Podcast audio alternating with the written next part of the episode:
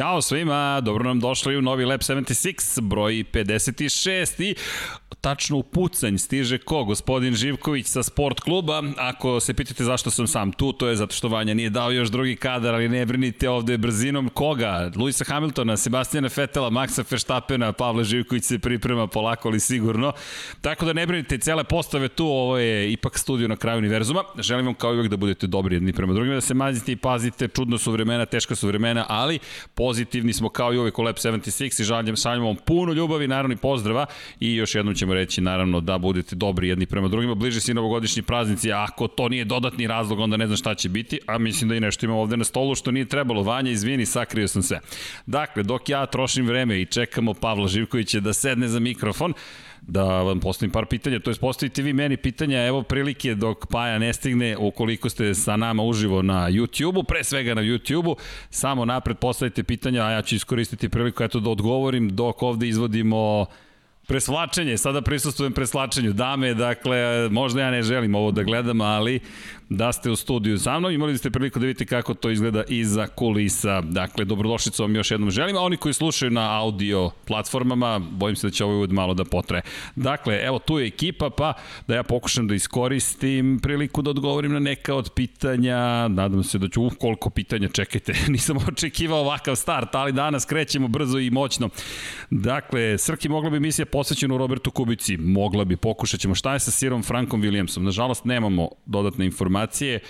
Da izašlo je saopštenje za javnost ekipe Williams da je u bolnici i osnivač ekipe Williams mi zaista držimo palčeve da će ovoj godini u kojoj su prodali ekipu u kojoj, to je možda jedan od razloga da, u kojoj su prvi put napustili praktično garažu ekipe, Sir Frank Williams već nekoliko godina ne može da dolazi na sve trke, Claire Williams, njegova čerka, vodila ekipu, čekamo, nadam se da, da nadam se zaista da će da će se oporaviti. Ne znam šta drugo da vam kažem, ima dosta godina, u svakom slučaju već sada će zaovek biti deo i Formula 1 i svih nas, čak i onih koji nisu bili živi dok je vladao. Harao Williams, nadam se da ćete uspeti da pogledate nekada te trke da vidite zašto toliko pričamo poštovanja o toj ekipi. Kako je, kakav je ono kavez na bolidima u, for, u FP1, pita Nikola. Kavez su vam uglavnom piezo receptori, to jest, to su receptori, sad zavisi koji su, nemojte mi zameriti inženjeri, ukoliko ne znam tačno koji su, ali služe zapravo da na bolidu koji je zaista na stazi imate dve stvari koje se često rade. Imate flow vis boju, dakle poprska se boja po samom bolidu i kretanjem kroz fluid, vazduh u ovom slučaju, se vizualizuje protok fluida. Dakle, kako zapravo to će izgledati iz perspektive kretanja, obstrujavanja vazduha. I kada govorimo o tome, to smo pričali u Turskoj, da po kiši, blatu možete da vidite kretanje, kretanje vazduha, to je kretanje bolida kroz fluid i kako izgleda obstrujavanje, to rade sa bojama. E sad, kada je reč o nekim drugim stvarima, kada je iza bolida kavez, to jest kada su receptori, to jest kada su senzori iza, dobijaju priliku da testiraju na, na autentičnom bolidu.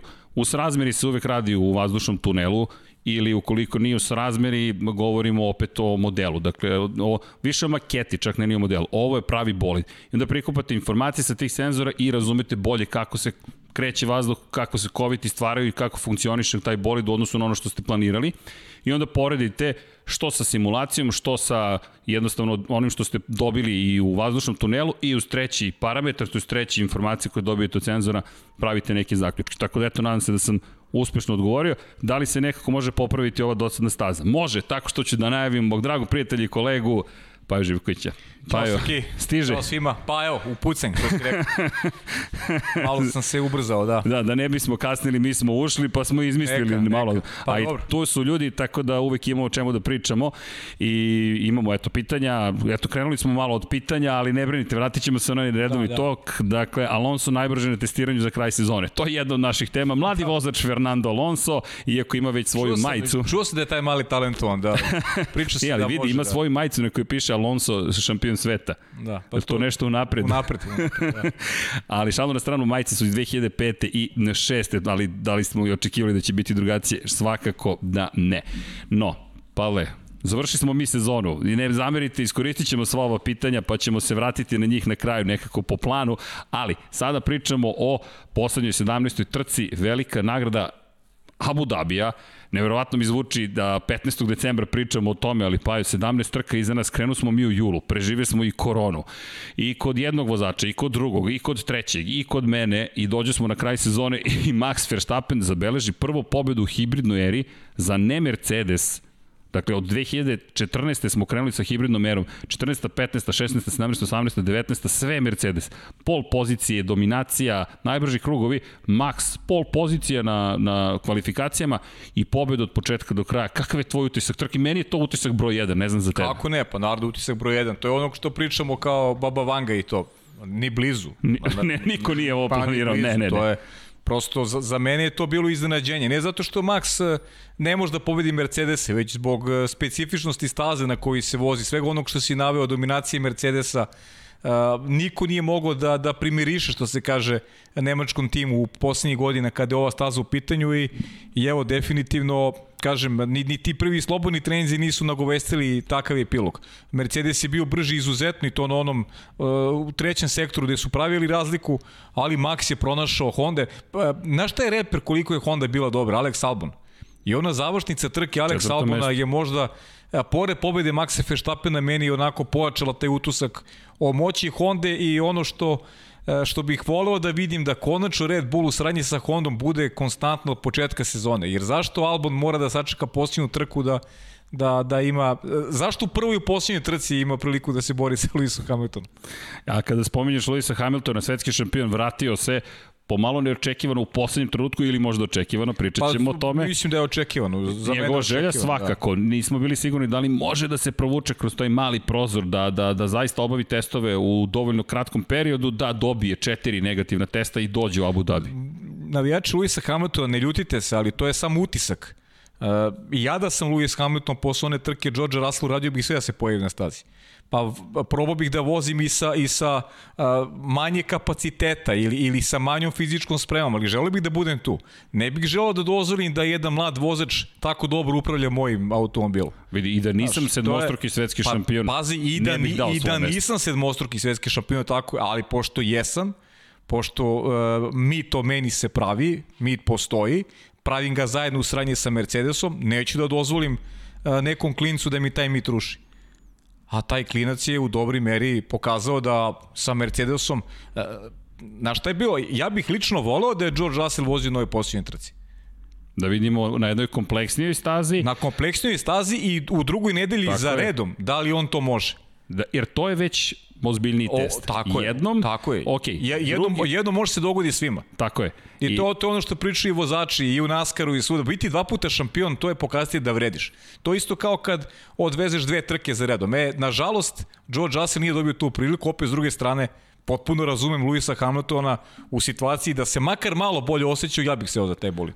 Jer Vidi. nema šta da izgubim. Ali ajmo pa, pa realno, da, da, da neko sedne sada u, u nas dvojica, se razbolimo i neko sedne u kabinu i prenosi Formulu 1 Ja da. bih dotrčao, ne znam, sa pola nogi i rekao, ne, ne, ne, nije bitno Čekaj, da li su bolji ili nisu bolji. Čekaj, u i si, i si u vreme COVID-a si želeo da budeš, da budeš u prvoj trci. Jesam. Jer, pa da, pa to Kako? je to. Iako znam da si ti tu, dešava se da ti često radiš trke sam, Tako ali je. ovo je prva trka sezone. Jest. Neću da ne radim prvu trku sezone. smo je, radili smo one, vežbali smo sa onim uh, virtualnim formulama, pa kako ne? I naravno da je tvoja želja da radiš Priroda stvari. Priroda. Priroda stvari. To što si sebi pogoršao posle toga stanje, to je druga stvar. Ne da sam ga pogoršao, Moguće nego... Moguće da je Louis sebi pogoršao stanje, ali ga razumem kao čoveka. Ja njega razumem. Kako bi ti rekao? Ja njega razumem što želeo da bude tu. Jer gleda, gledaš iz kreveta neko ko sedi u tvojem i radi iste stvari kao ti. I postavlja mnoga pitanja. I postavlja mnoga pitanja. O, o, o na identičan na, način ubija Valterija Bottasa isto kao ti. Spomenuo si Valterija Bottasa, pošto je bio na poziciji broj 2. Kroz cilj su prošli Verstappen, Bottas, Hamilton. Nekako opis trke smo dali u prenosu. Bottas i kada nema Hamiltona dođe neki novi Hamilton. I kada ne može Hamilton dođe neki novi Hamilton. Doće Russell ili tu Verstappen, uvek je neko tu. I opet smo ga preskočili. Ako pogledaš, krenuli smo Verstappen, Hamilton i onda Bottas. Hamilton je sedmostruki svetski šampion. Pa rekao, rekao bih prema zaslugama, tako i idemo. Ali opet je bio nevidljiv. Ne pričamo da bi se nekom nešto svidelo, nego zaista je tako. I opet, i ako pogledaš, mega uzbudljive kvalifikacije. Meni su kvalifikacije možda i bile ključne. Zapravo, kada pogledaš... Pa ispostavilo se da jesu. U, u, u timaš u desetinki tri vozača Formula 1. Na stazi koja je dugačka 5,5 km i zahtevna. Da, 21 pazi, krivinu a rekli smo, samo u 55% slučajeva u Abu Dhabiju se dešavalo da osvajač pol pozicije pobedi u trci. Nisu to visoki procenti s obzirom na, na konfiguraciju staze. Nisu, nisu. Ali ovog puta, ajde da budemo i realni, nakon velikih uzbuđenja u Bahreinu i na mnogo trka ove sezone, ovo je bila onako jedna od manje zanimljivih trka. Kada gledamo broj preticanja, broj aktivnosti na stazi, e, sama taktika, mislim da je bila onako jedna trka koja je bila vrlo predvidiva. Kad smo se ti i ja zapitali, a to ne volimo da radimo u prenosu, toliko volimo Formula 1, svaka trka je priča za sebe, uzbuđenje za sebe, ok, da li smo mogli da dobijemo neku drugu stazu za kraj sezone? Znaš kako, ima, znaš o čemu ima neke simbolike? Mislim da samo dvojica vozača trenutno mogu da pobeđuju na ovakav način, da, da budu dominantni u kvalifikacijama i da nakon prve krivine e, mogu da naprave razliku koja je već dovoljno dobra da, da steknu tu ključ, kru, krucijalnu prednost. Mislim na Luisa i upravo na Maxa. Max je taj koji, koji to može definitivno. Max, ako razmišljamo ko bi to mogao, Max apsolutno. Da, da. To smo videli. Kod Georgea Russella nismo videli pol poziciju, pa ali smo videli skok na početku i kontrolu trke, iako samo jedna trka.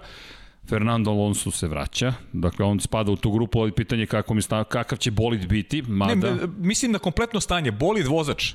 Bolid Znaš, vozač, bolid ako vozač, tako gledamo, imaš... Sa, samo tako gledam, bolid vozač. Pa imaš... Ne možemo pričamo sad o Ferrariju koji nije konkurentan ili neki drugi tim, ali bolid vozač.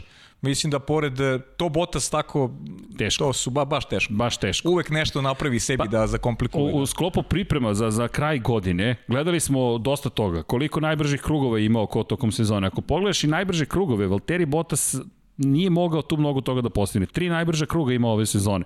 Dakle, mi govorimo o tome da zapravo Valtteri Bottas nije mogao da iskoristi na najbolji mogući način bolide. Dakle, pol pozicije je bilo više, imao četiri pol pozicije za Bottas, ali najbržih krugova je bilo tri, zapravo dva. Zaboravio se, dodao samo još jedan, a to je bio Russellova, to je moja greška. Dva je imao Valtteri Bottas, isto koliko je imao, na primjer, Daniel Ricardo u Renault. Da, činjenica je da, da oni koji su iza pozicije 1, 2 i 3 češće mogu da napadnu za najbrži krug. Ali kada to porediš sa Lewisom Hamiltonom, imao imao je na, u, i u Mađarskoj, i u Silverstonu, i u Italiji, imao je i drugi put u Italiji i još dva, dva najbrža kruga kasnije.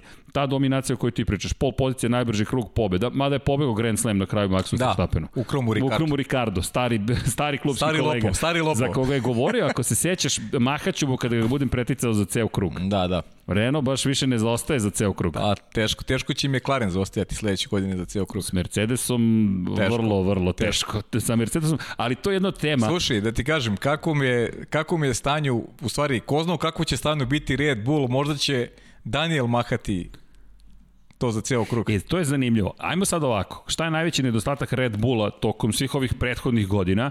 početak sezone, yes. to ono što si rekao. I u ovom momentu i Red Bull je svestan toga i razmišlja o tome i Red Bull prema pisanju Jonathana Nobla je rekao ovaj moment, Christian Horner, konkretno šef ekipe, kada mi zapravo uzimamo bolid iz ove sezone i minimalne izmene imamo za sledeću godinu, bi trebalo da nam pomognu.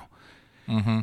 Vidjet ćemo, da, nisam da. siguran. Kad Mercedes se povuče iz priprema u septembru za sledeću god, za, za ovu godinu i krene da razvija bolid za sledeću, ali, ali, ajde, hajde da verujemo da je to zaista tako.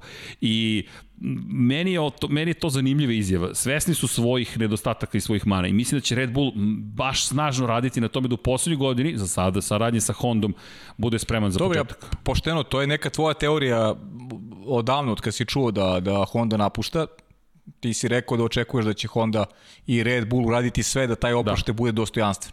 Ja sam više skeptičan uh, prema toj verziji, ali uh, hoću da se nadam da, da je to mišljenje tvoje koje zastupaš i veliki broj, čitam i komentare da.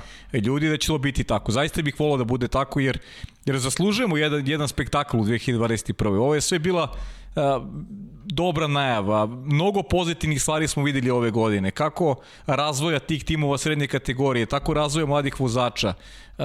Jedna godina od koje možda nismo očekivali ovakve rezultate, a mislim da je ispunjena vrlo zanimljivim dešavanjima, nevezano za nešto što je do, onako dominacija Mercedesa koja traje i nešto smo negdje i naslutili kroz predsezonska testiranja tamo još u, u februaru 2020. godine. Davno beše. Da, da, davno beše kada su krenule predsezonska testiranja, a mi ćemo imati 21 trku naredne godine. 23 trebalo je da imamo već ove godine, ne 23, oprostite, imamo 23, sledeće godine. 21 smo imali prošle godine, ove da. godine trebalo isto 23, ostaju 23 za sledeću godinu.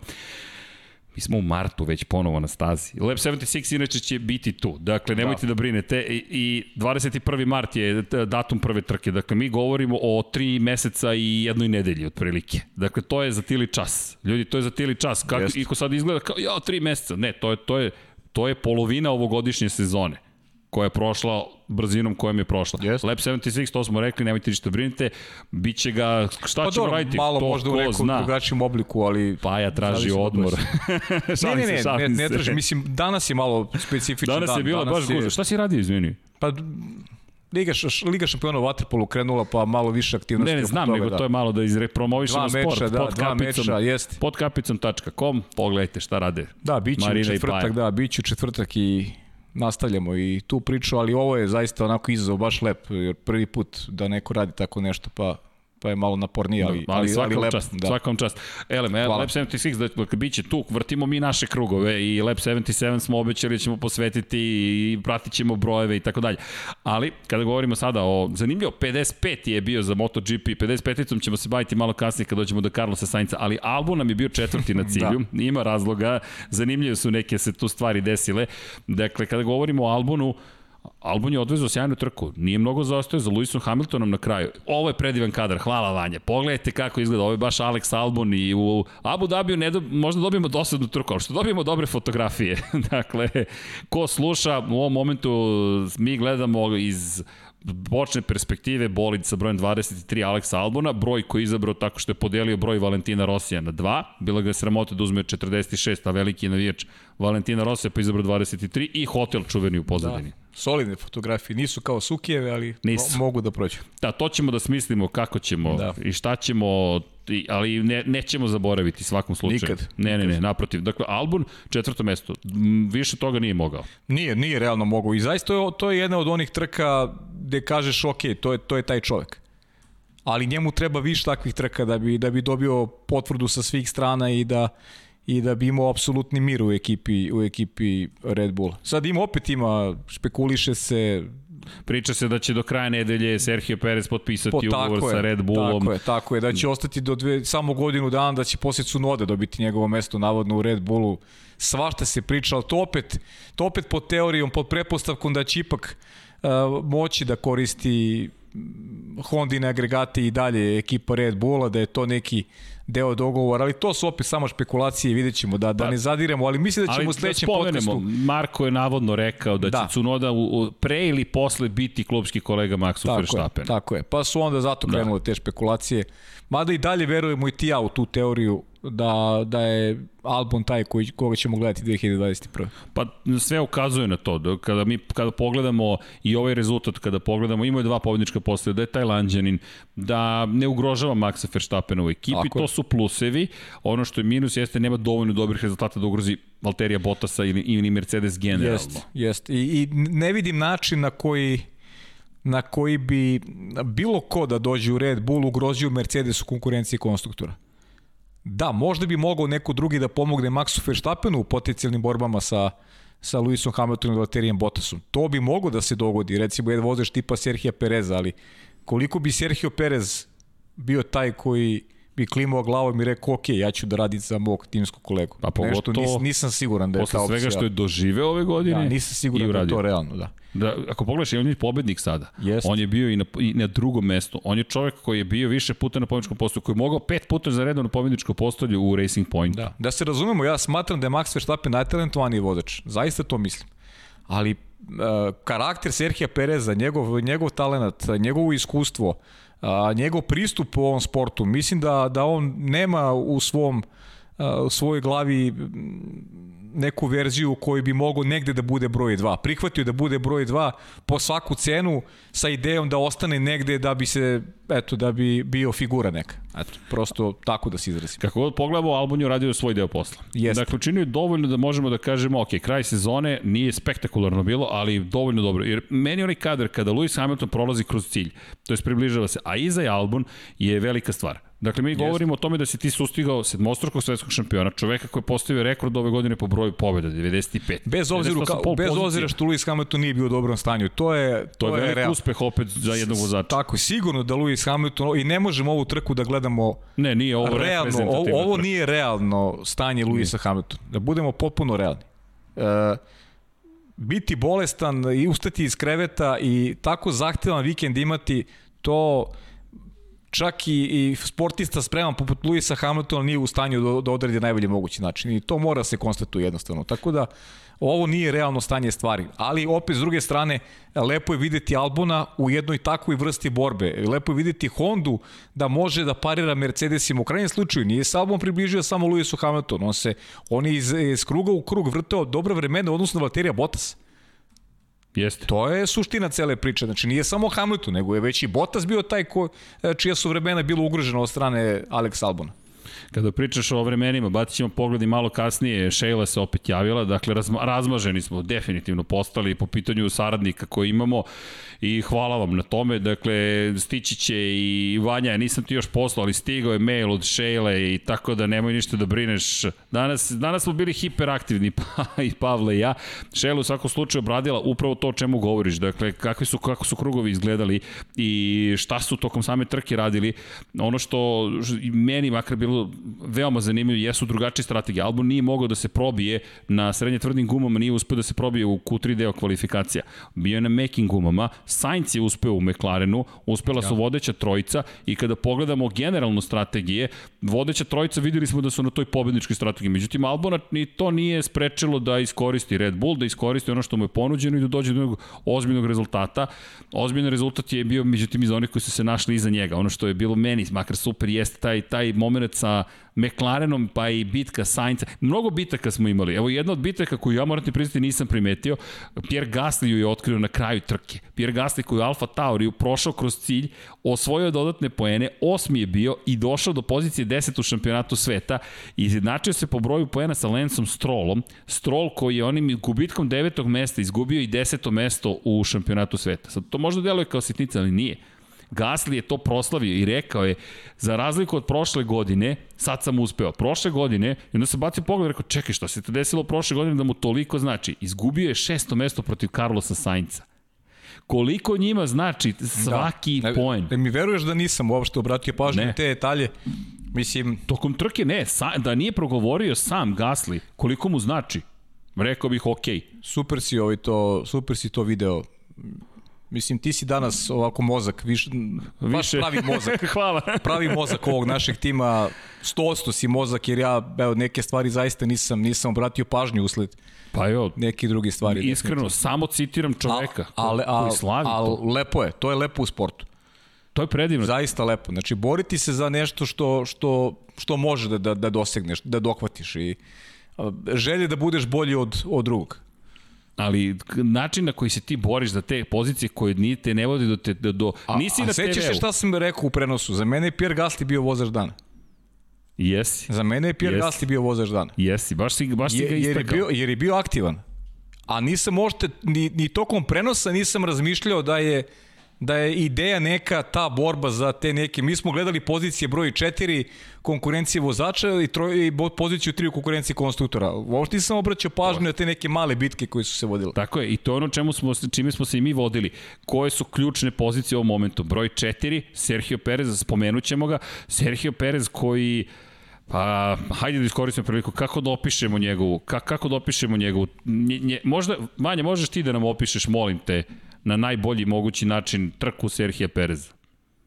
U zagrljaju svojih meša, mehaničara, a na kacigi piše hvala na španskom. Da, znaš kako, on je svoj oproštoj Racing Point imao nedelju dana ranije. Jeste. I zaista se bajke ne dešavaju svaki nedelje, tako, tako da Ali vidi ovaj zagrade, Znaš- Znaš, mehaničar, pošto mu je otkazao bolid. Da, sjajan je bio, sjajan je bio i sjajan je počeo i ovu trku. Završilo se kako se završilo, te ne umanjuje uopšte utisak naš o tome Naprotiv. kako je Sergio vozio. I zaista, drago mi je što smo negde i dobro predvideli kako će izgledati drugi deo sezone. Nakon što se oporavio od COVID-19, videla se ta želja, videla se energija kod njega. E, konstantno je apelovao timu da želi iste uslove kao Lance Stroll. Nije uspeo Racing Point da a, dođe do, četvr, do treće pozicije konkurencije, konkurencije konstruktora, u stvari nije uspeo Čeko Perez. To je bila nada, ja, mi smo rekli još pre nekih dva meseca možda, malo manje. Čeko Perez protiv McLarena, Čeko Perez protiv Daniela Ricarda. Malo su se uključili tu Okon i, Okon i, i Lance Stroll, ali suštinski zašto je McLaren na kraju bio na trećem mestu? Pa zato što imao dva jednačena vozača, dva momka koje su bile izvanredne od početka do kraja. Njihov nivo forme je bio ma, manje više na identičnom nivou. Zapanjujuće koliko njih dvojice dobro funkcionišu i koliko su negde, rekao bih, i sličnog senzibiliteta, a opet s druge strane i vrlo kvalitetni vozači koji u budućnosti mogu da ponude mnogo u ovom sportu. Aj baš evo pogledaj, kaži mi kolika je razlika između Carlosa Sainca i, i, i, i Landa Norris. Na kraju se povećala. Na kraju, kraju se i povećala. Pa na kraju se povećala. Lando ti je završio na poziciji broj 9, ono što je fascinantno. A Carlos Sainz je završio na poziciji broj 6. Ali o odnosu bodovima. 105 poena za Carlosa Sainca, Lando Norris 97. Pa dobro, to je 8 Ali poena. to hoću ti kažem, u osam 8 poena poena samo. imaš imaš četiri vozača u 8 poena. Ako, ako Ricardo na kraju pobegao zajedno s Perezom, ali jedna od neverovatnih priča, ne samo što su Pierre Gasly i Lance Stroll imali isti broj poena. 105 poena na kraju godine, Carlos Sainz i Alex Albon. Albon je ovim četvrtom mestom uspeo da se izjednače po broju bodova sa, sa, sa Saincom. Međutim, Sainz ima jedan plasman bolji poziciju broj 2, čuvena trka je sa velike nagrade Italije u Muđelu kada je jurio za Pierom Gasly i nije uspeo. Pazi, ta druga pozicija mu je danas donela šesto mesto, koje je imao i prošle godine. I Carlos Sainz koliko je dobar na taj njegov odlazak u McLaren. A zašto mi je palo na pamet? Ko Kaži. se odrekao Carlosa Sainca? Pa da, pa, pa za- zato sam i teo ti kažem, ono kad si počeo pričati o Albonu, Ko se odrekao on je na Carlosa kraju ima Sainca? isti broj bodova sa Albonom, a sigurno da je Red Bull kudi kama bolja ekipa u ovom trenutku od, od, od McLaren. A pazi, a, a to je vozač koji je bio u školi Red Bullovoj. Tako to je je. momak koji je stasao u Toru Rosu i onda ostao nekako bez angažmana. Dobro, ali opet da budemo, da budemo iskreni i realni, najviše vozača definitivno tih kvalitetnih ima u toj Red Bullovoj školi. Jeste. I ako neka ekipa favorizuje vozače iz svoje škole, da je to Red Bull. U krajnjem slučaju, zahvaljujući Red Bullu, mi danas imamo Carlosa Sainca na sceni. Tako da, a, Red Bull je ekipa koja je zaista neophodna u ovom sportu i zbog toga bi bilo sjajno da se pronađe kvalitetno rešenje da opstanu, da budu i dalje ekipa koja će se boriti za ove najveće domete. Jer em što, se, em što su osvajali titul, em što je kroz njihov tabor prošlo mnogo velikih vozača, em s druge strane imamo brdo talenata koji ne samo u Formuli 1, Evo, evo jedan, jedan da Kosta koji uopšte nije stigao do Formule 1, a, a bio je recimo šampion Formule E. A, I, a bi, i nikada bio nije dobio pravu fantastičan, šansu. nikada je bio se fantastičan sećaš u Formuli 2. koliko ja se smo navijali da Pa, do- dođe? Sećaš se koliko Njegove dobar, vožnje. agresivan vozač, fantastičan. Jedan od onih oduzima dah. Ti, Jeste. ti očekuješ da će trojicu da pretekne, ako može u jednoj krivini. I, I baš smo na njega tipovali da će biti prava zvezda, jer ima ta, imao je, sad ne znam da li ga još uvek posjeduje, ali taj zvezdani karakter je imao kao klinac. Na, nabusite i Jeste. naprasite, Čak ali se dovoljno. pričali za sledeću godinu da, da je bio nekoj konkurenciji, ali Yuki Tsunoda je to poništio. Da, Juki, pa dobro, Juki Tsunoda kako je odvezao, samo kratko da se osvrnemo, pobjede treće mesto, pol pozicija u poslednjoj Da, da, sezone, teško, teško je tražiti od čoveka nešto više. A, a, a gledamo, kada pogledamo sve, sve koji su vozači prošli kroz tu akademiju, donela nam je, on završava u Ferrariju, meni je fascinantan njegov put i kada pogledaš, on je iz Red Bulla, iz akademije Red Bulla, to jest iz celog tog programa mladih, otišao jedan McLaren, to je jedan veoma ozbiljno, otišao u Renault, pa u McLaren, pa je sad otišao u, u Ferrari. Pazi ti šta je sve on čovjek pokrio. I neko Da. je postavio pitanje na, na Twitteru, moram da potražim ko, je pitao da li to znači da sada treba da očekujemo da Daniel Ricardo stigne u Ferrari u skorije vreme. Kako je krenulo Red Bull, Renault, McLaren, pazi, to je taj put, Carlosa Sainca. Bukvalno istim, po, istim trasom ide i Daniel Ricardo. Ne znam, mislim da će da je to više slučajnost, ali nije zgorek da se to iskoristi Slažem se s tobom, prilika. da.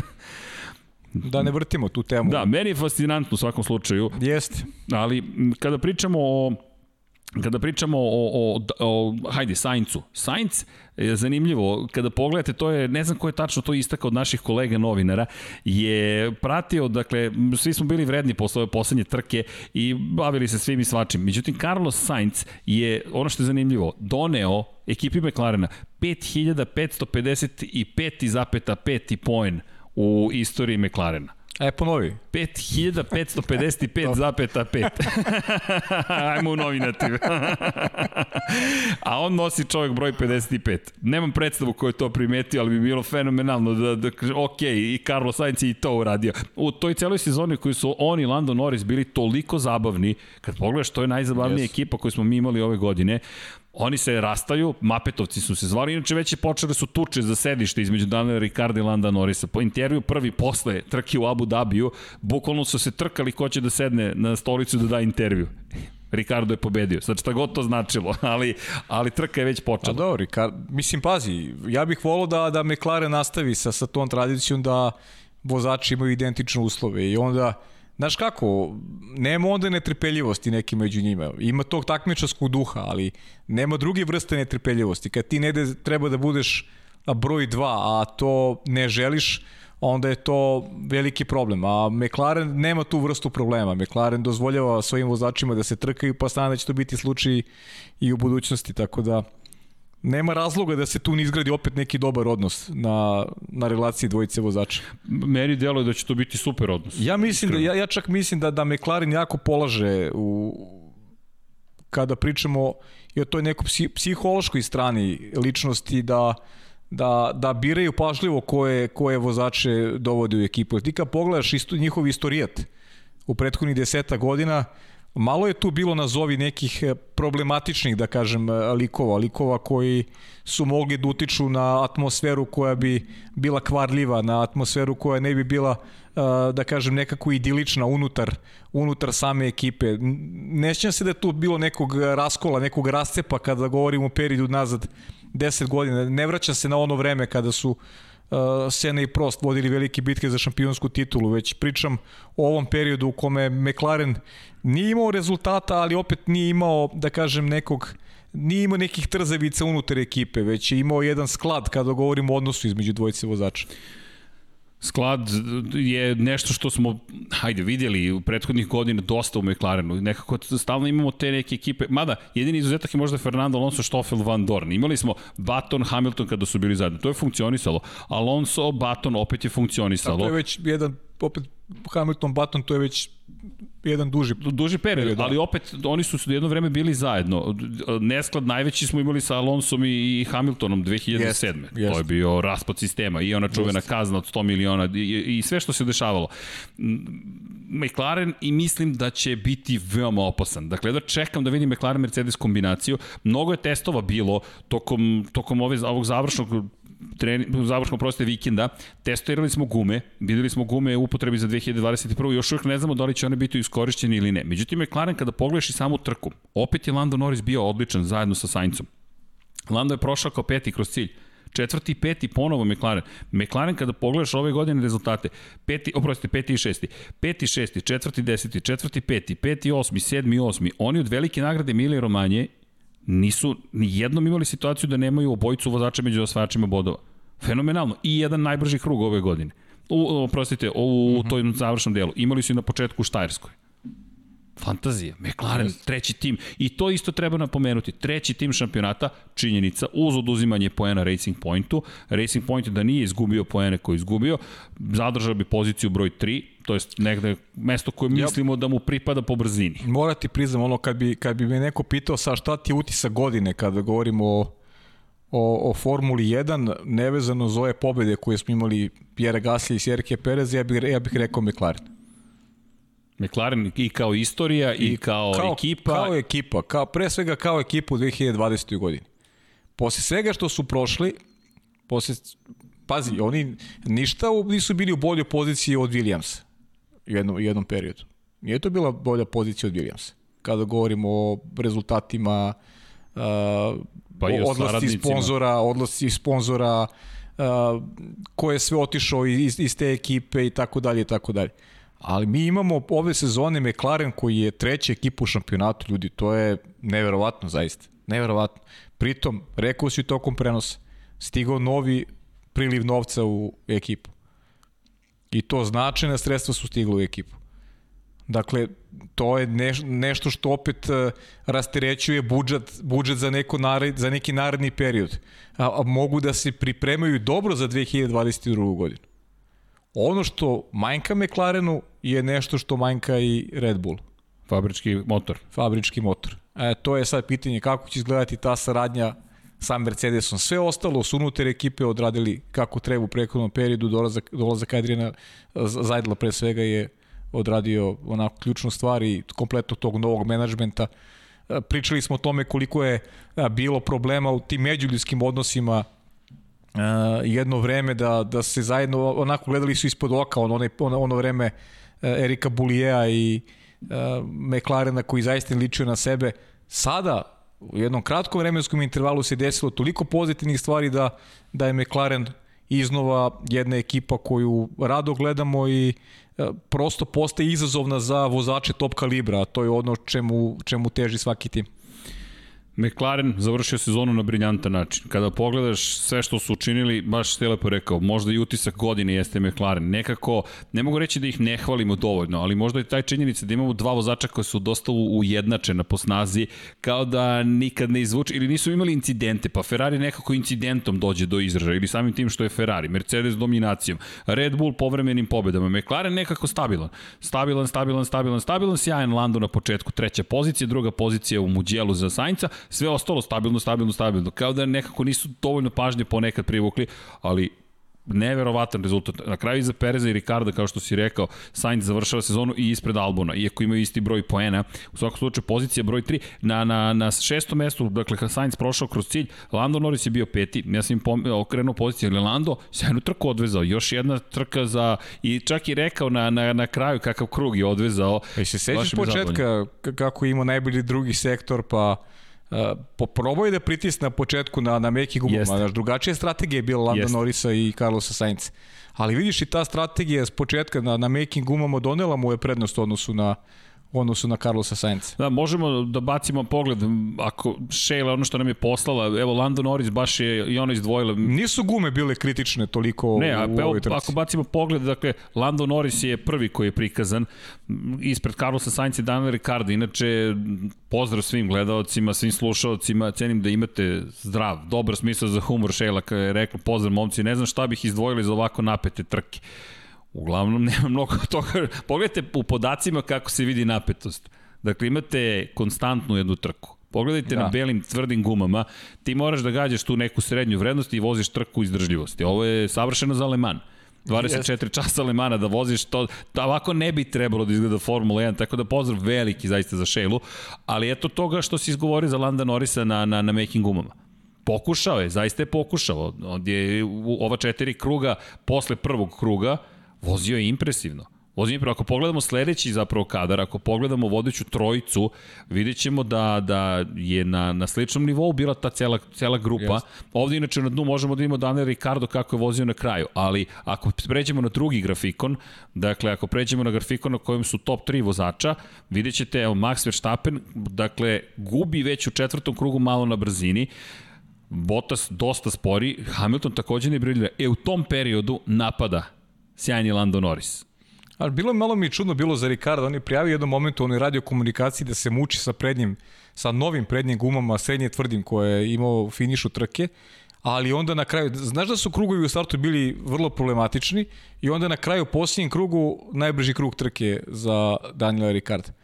Trebalo je vremena tim gumama da provade, trebalo je vremena da ih zagrije. Ne znamo u kojem položaju da. bio u situaciji, u kom položaju na stazi bio u tim trenucima Daniel Ricard. Mada mislim da imao čist prostor ispred sebe. Kada bacimo pogled na onaj prvi grafikon zapravo gde se vidi Daniel Ricardo, ima taj moment, e, ako pogledaš u jednom trenutku, na prvi gde, se, gde je zanimljivo, kada promeni gume, kada pređe na, na, na srednje tvrde gume, da. žutom bojem, ta prva tri kruga uopšte nisu toliko dobra. Dakle, Nisu, prva nisu. tri.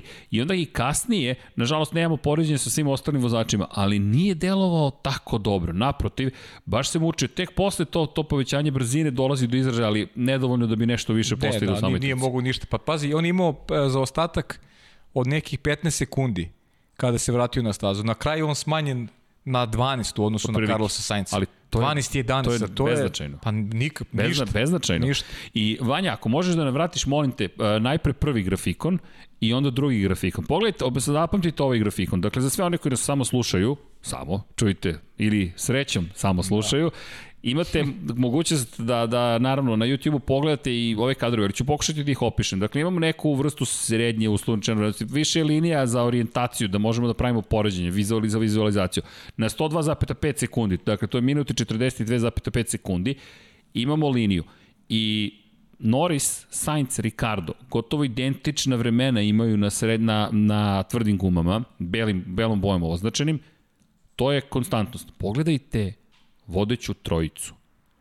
Max Verstappen koliko je brži od toga na tim istim gumama i deluje kao da kontroliše tempo ili možda nekoga pretiče tamo u 38. krugu. Pa le, ovo je ono što je problem između vodećih timova i svih ostalih. Jednostavno ne mogu da im pariraju. Ne mogu da im pariraju. Bottas u navratima je bio toliko brz i Hamilton opet u navratima, ali sve to je dovoljno za kontrolu situacije. Njih suštinski niko ne ugrožava, osim na početku Norris koji opet imao meki gume. Znaš šta moram da istaknemo još? Uh, uh, Lewis Hamilton je potpuno bio u pravu sa reakcijom. Jeste, jeste. To je definitivno bio u pravu. Nije trebalo da Mercedes ide s oba vozača na zamenu pneumatika da reaguju u istog momenta kad je reaguje Max Verstappen. Lewis je u stvari bio taj koji je želeo da ostane na stazi.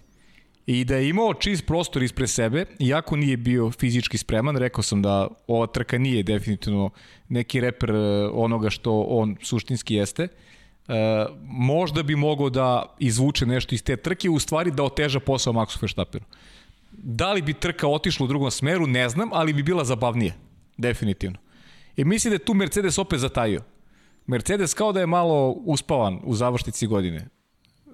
Sećamo se šta je bilo u Bahreinu prošlog vikenda, mislim da i ova reakcija nije baš bila adekvatna, da su mogli i morali da probaju nešto drugačije u odnosu na Red Bull, pogotovo što je Max u prvih tih 14 krugova pre izlaska sigurnosnog vozila, u stvari pre znaka virtualnog vozila bezbednosti, vozio fantastično.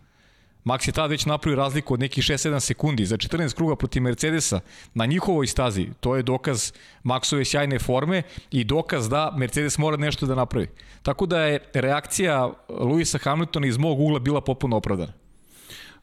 sve je rekao Hamilton vrlo brzo posle toga i to ono što smo videli na osnovu, možemo reći, i brzine koje zapravo nisu imali u odnosu na ono što su želeli da postignu, ali meni je zanimljivo ne samo to što su bili nekako nespremni, nego i činjenice su bili konzervativni.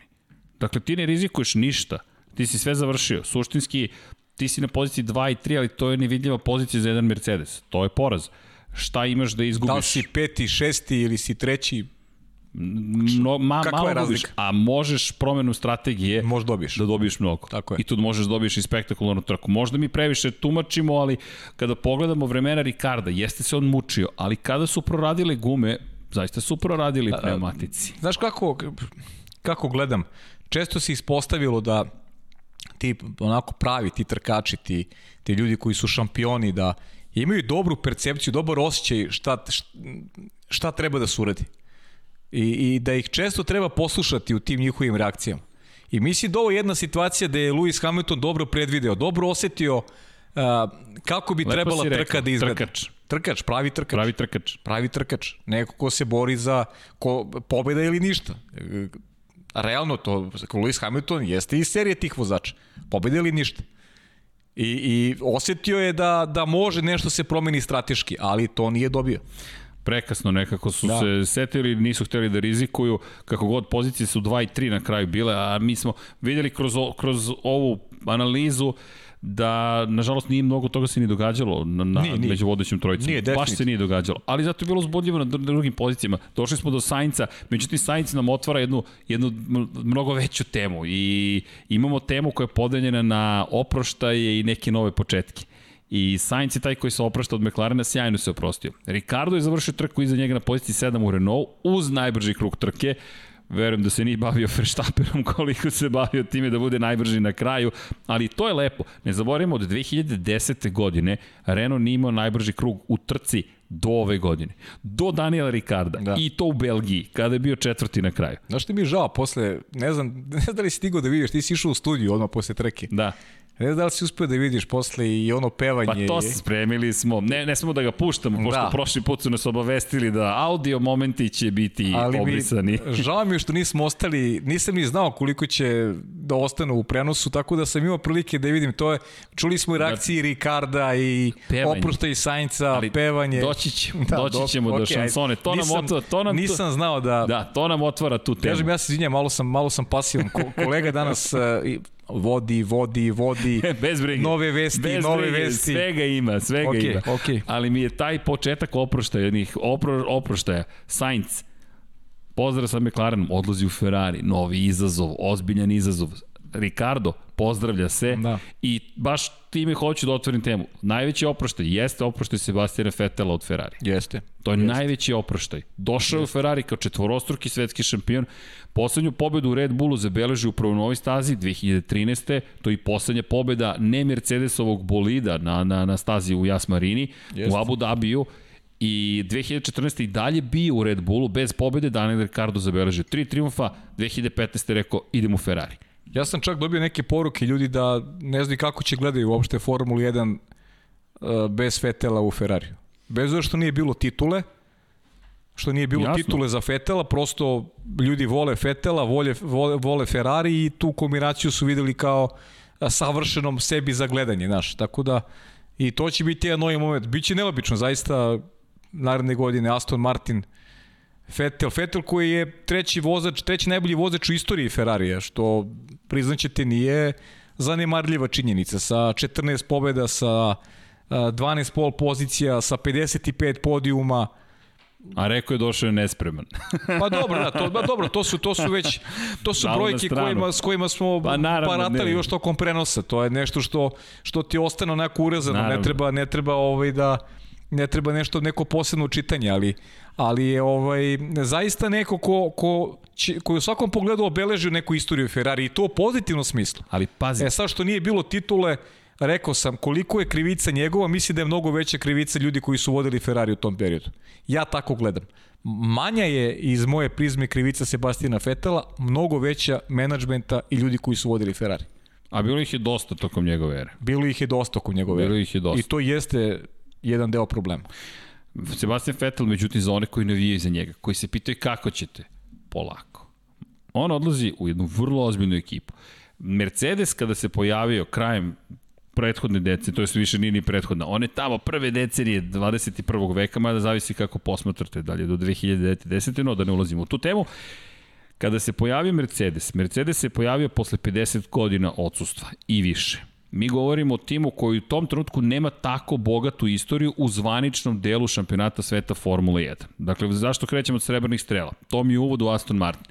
Pamtimo srebrne strele iz vremena pre drugog svetskog rata, iz vremena pre nego što je osnovan 1950. godine šampionat sveta Formula 1. Pamtimo i te titule Juana Manuela Fangija. Nažalost i taj stravični incident u, Le Manu koji je doveo do toga da obustave takmičenje u Formuli 1 i vraćaju se 2010. 2009. za od osvaja titulu tim koji je posle prerastao u Mercedes, Bron Grand Prix, Mercedes ga kupuje, ne dobije odmah te uspehe. Bron je iskoristio jednu rupu, čuveni dvostruki difuzor, Jenson Button sjajno vozi i Rubens Barrichello imao čak šansu te godine da bude šampion, no Buttonu pripala titula, pripala titula Bronu, jedinstven slučaj da neko u tako modernoj savremenoj eri osnovu ekipu i osvoji titul. Međutim, Mercedes je ušao i rekao mi se bavimo nekom novom istorijom. I kada sada pogledamo 2020. Mercedes Sada je strahopoštovanje prema Mercedesu. Sedam titula za redom. Šest titula sa Lewisom Hamiltonom. Jedna sa Nikom Rosbergom. Nezausta, neuništivi gotovo. Hibridna era je potpuno dominaciji Mercedesa u znaku Mercedesa. Na šta me to dovodi? Koliko je važno koliko je važna istorija proizvođačima. U ovom slučaju Aston Martin. Aston Martin se pe 1959. i 1960. godine takmičio u Formuli 1. Nema mnogo veze sa Formula 1, za razliku od Mercedesa nije osvajao titule. Međutim, bio je tu, Ono što je meni zanimljivo, Karl Shelby je vozio za ekipu Astona Martina. Za one koji ne znaju ko je Karl Shelby, toplo preporučujem da se pozabavite tim. Karl Shelby, ja sam se naježio sada, i Shelby Cobra. To je, ljudi, to je kraj a jednoga dana kada kupim Shelby Cobru, zaboravite na da. mene. dakle, to je penzija. Tada će mi udariti kriza srednjeg doba. Vidjet ćete me u Kobri kako vozim, ne znam nija gde, ali to je to. Karl Shelby... Banja će onda da vodi podcast. Dogovoreno. Dakle, i lepši, i mlađi, i pametniji. Tako je. A mo, pa, malo kose što je ostalo. Pa mi ćemo se pa ne možemo. Idemo, pa, pa idemo. Pa, dakle, Kobra, to je to. To nam je cilj. Dakle, e, to nam je cilj, da kupimo Shelby Kobru i da završimo. I idemo u penziju. I onda podcast kao da smo... Me gledat ćemo. Kao, kao Seinfeld, onda se snimamo u kolima. Vanja će kaže, čao svima. čao svima. A mi, čao Vanja. Karl Shelby, ljudi, je vozio za Aston Martin. I to me dovodi na, na Sebastiana Vettel. Nemojte ništa brinite, Aston Martin nije mala kompanija.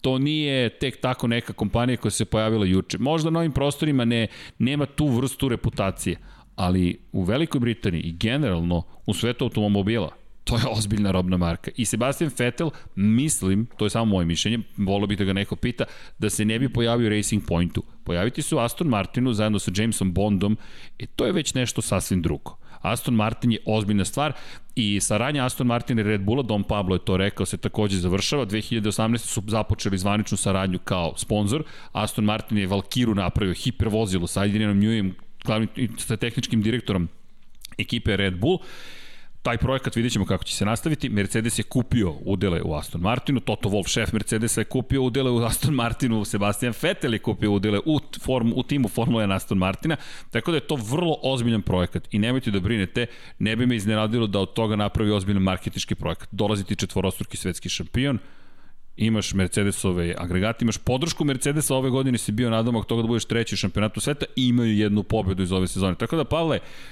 Ko voli Sebastina Fetela, mislim da ima razloga, pa i njegove fotografije to otkrivaju. Nikad veći osmeh čovek nima u 2020. I to je lepo bilo videti kako Sergio Perez mu daje svoju kacigu, a Sebastian Vettel daje njemu svoju i razmenio kacigi sa Leclerom takođe. To su, to su fenomenalni momenti. Pa sve si lepo rekao, šta, šta da se doda. Generalno, Sebastian Vettel ide u ekipu gde, gde treba da bude broj 1 generalno, da treba da bude Sergio Perez, puta 3.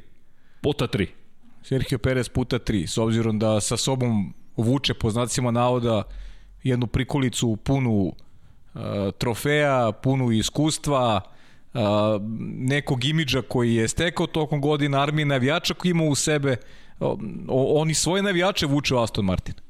Da, dovodi... Svoja, svoje navijače vuče Aston Tako. Martin, vuče Uh, i, i sponzore će da dovuče novi u Aston Martin. 53 je, pobjede čovjek Kako ne, pa to je, to je legend ovog sporta, ne, ne, ne, ne sumnjivo, kažem.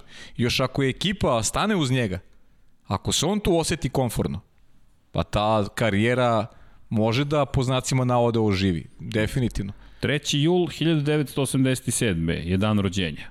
Da. 33 godine. Pa u boljem je položaju od nekih kolega iz te ere koje smo mi nazvali vanzemaljci. I, na primjer, Kimira i Konen je dosta stariji. Tako je. A još uvek vozi. I on je rekao, do 40. mogu da vozi. Tako da, ne brinite Fernando za Sebastiana Alonso takođe između ostalog vraća se. E, izvini, sad dovodiš mu do jedne bitne stavke. Šela takođe prikupila podatke, pošto je mnogo ljudi pitalo uh, kada je, po, mi, mi čak više ni ne radimo, mi u suštini sad smo postali klasični oni što čitaju, dakle sve nam vi pošaljete penzioneri, samo kobra nam fali, zaista da. nedostaje samo kobra. I onda ne, ne krenete da istražujete, se spremate, samo stižu automatski poruke i kažete, u super, ovo izgleda, ovo može i tako da funkcioniše, hvala, ne znam šta da vam kažem. Kada se poslednji put desilo da imamo 14 titula u rukama vozača koji su aktivni u Formuli 1. A, bravo, to smo pričali, svaka čast. Uh, Znaš kada? Kada? 2012. godine. Zanimljivo, Vettel. Znači, prisustvovali smo. Slušaj, da, da, slušaj sad ovo. Vettel koji će voziti. Alonso koji će voziti. Raikkonen koji će voziti. Hamilton koji će voziti Jenson Button imali su zajedno sedam titula. Ham, Vettel dve, Alonso dve, pazite ovu da. istoriju. Button Tako. jednu, Hamilton jednu, Raikkonen I, jednu. I Schumacher. I Schumacher. Da, da, I gospodin Mihael Schumacher dođe i kaže, momci, da dupliramo mi ovo, da dupliramo da, ovih vaših puta, sedam da, da. puta. Zato sam došao. Zato sam došao. Da ne 14... bude, da ne bude 2020. najuspešnija. A sledeće godine, Vettel 4, Alonso 2, Raikkonen 1, Button se penzionisao i sedam titula Luisa Hamiltona. Da, da. Fascinantno. Meni fascinantno. Jeste, Kada je poslala ovako gledam podatke i kažem, wow. Jeste. Čekaj, sedam, i mi smo tome prisustvovali. I bilo je sjajna sezona, ako se sećaš, Da, pobednici, kad si mi rekao, kad si mi rekao je pobedio. 2012. odmah sam se setio da Šumacher. Mislim, Šumahera sam stavio u taj kontekst, pa je jasno da... Koji će inače čega? voziti, ali Mik Schumacher sledeće Mik, da, godine. Mik, Čisto da tu imamo i. Schumachera u Formuli 1. Imamo simboliku, Da. da. I kada već spomenješ da će biti Sergio Perez puta 3, Pavle, ja moram da pročitam ime, ne zamerite što nisam zapamtio, ali ja sam potpuno i dalje raspamećen. Hvala da on Pavlu transkribovao je naša 4 sata časkanja, 3 sata E, da, nemogućih znam. časkanja. Pričao mi je Don Pablo da, ovaj, da, to radi. Sećam Muke se. Tantalove. Luis Manuel Lopez. Ljudi, Luis Manuel Lopez, to je naš kolega, Čekaj malo, mora se Čovjek. podigne malo, mora, da, da rastem, da rastem. Moram da rastem, da rastem. Pazi, pazi, Vanja mi skreće pažnju, pazi mikrofon, alo, pazi mikrofon. moraš da podigneš, da, mikrofon, da, da. Kaže Luis, Luis Manuel Lopez, popularni Čačo. Čačo. Čovek koji piše za Fox Sports, ima svoj sajt čačof1.com, zapratite ga, et čačo, chacho, donja crta, lml, Luis Manuel Lopez na Twitteru, stoji inače 1.000,7 ljudi ga, 101,7 hiljada ljudi ga prati i čovek je nekako došao do našeg podcasta i tweetovao, ja ne znam koliko Meksikanaca smo imali na Lab 76 54, ali mi šaljemo Viva Mexico, dakle pozdrav iz studija na kraju univerzuma. Potpuno neverovatno. Ljudi, mi smo se probudili u četvrtak ujutru, ne, sre, sred, sred, ne, četvrtak ujutru, da. Budimo se i sad 63 lajka na komentaru na španskom. Ja, ja, ja ga pasivno razumem, brat mi živi, jel te učilo? Ali ja sam morao da zovem u pomoć i, i, i, i na Jeli iz Mexico City-a i brata iz Čilea, ljudi šta se događa, ko su ovi ljudi, da. zašto? Razumem da je zbog meksičke zastave, ali kako su nas otkrili? Neverovatno koliko je planeta Znaš šta, me, predivna. znaš šta se plašim samo? Znači, Don Pablo morati svake nedelje da radi. transkripciju. Ne, ne, pazi, nikad veći osmeh i nikad veće vrtenje glavom. Nema šanse. Dom Pablo se penzionisao. Po, pokušao sam, ne vredi. Da, da. A možda zato, možda direktno na španski da, da prevodi.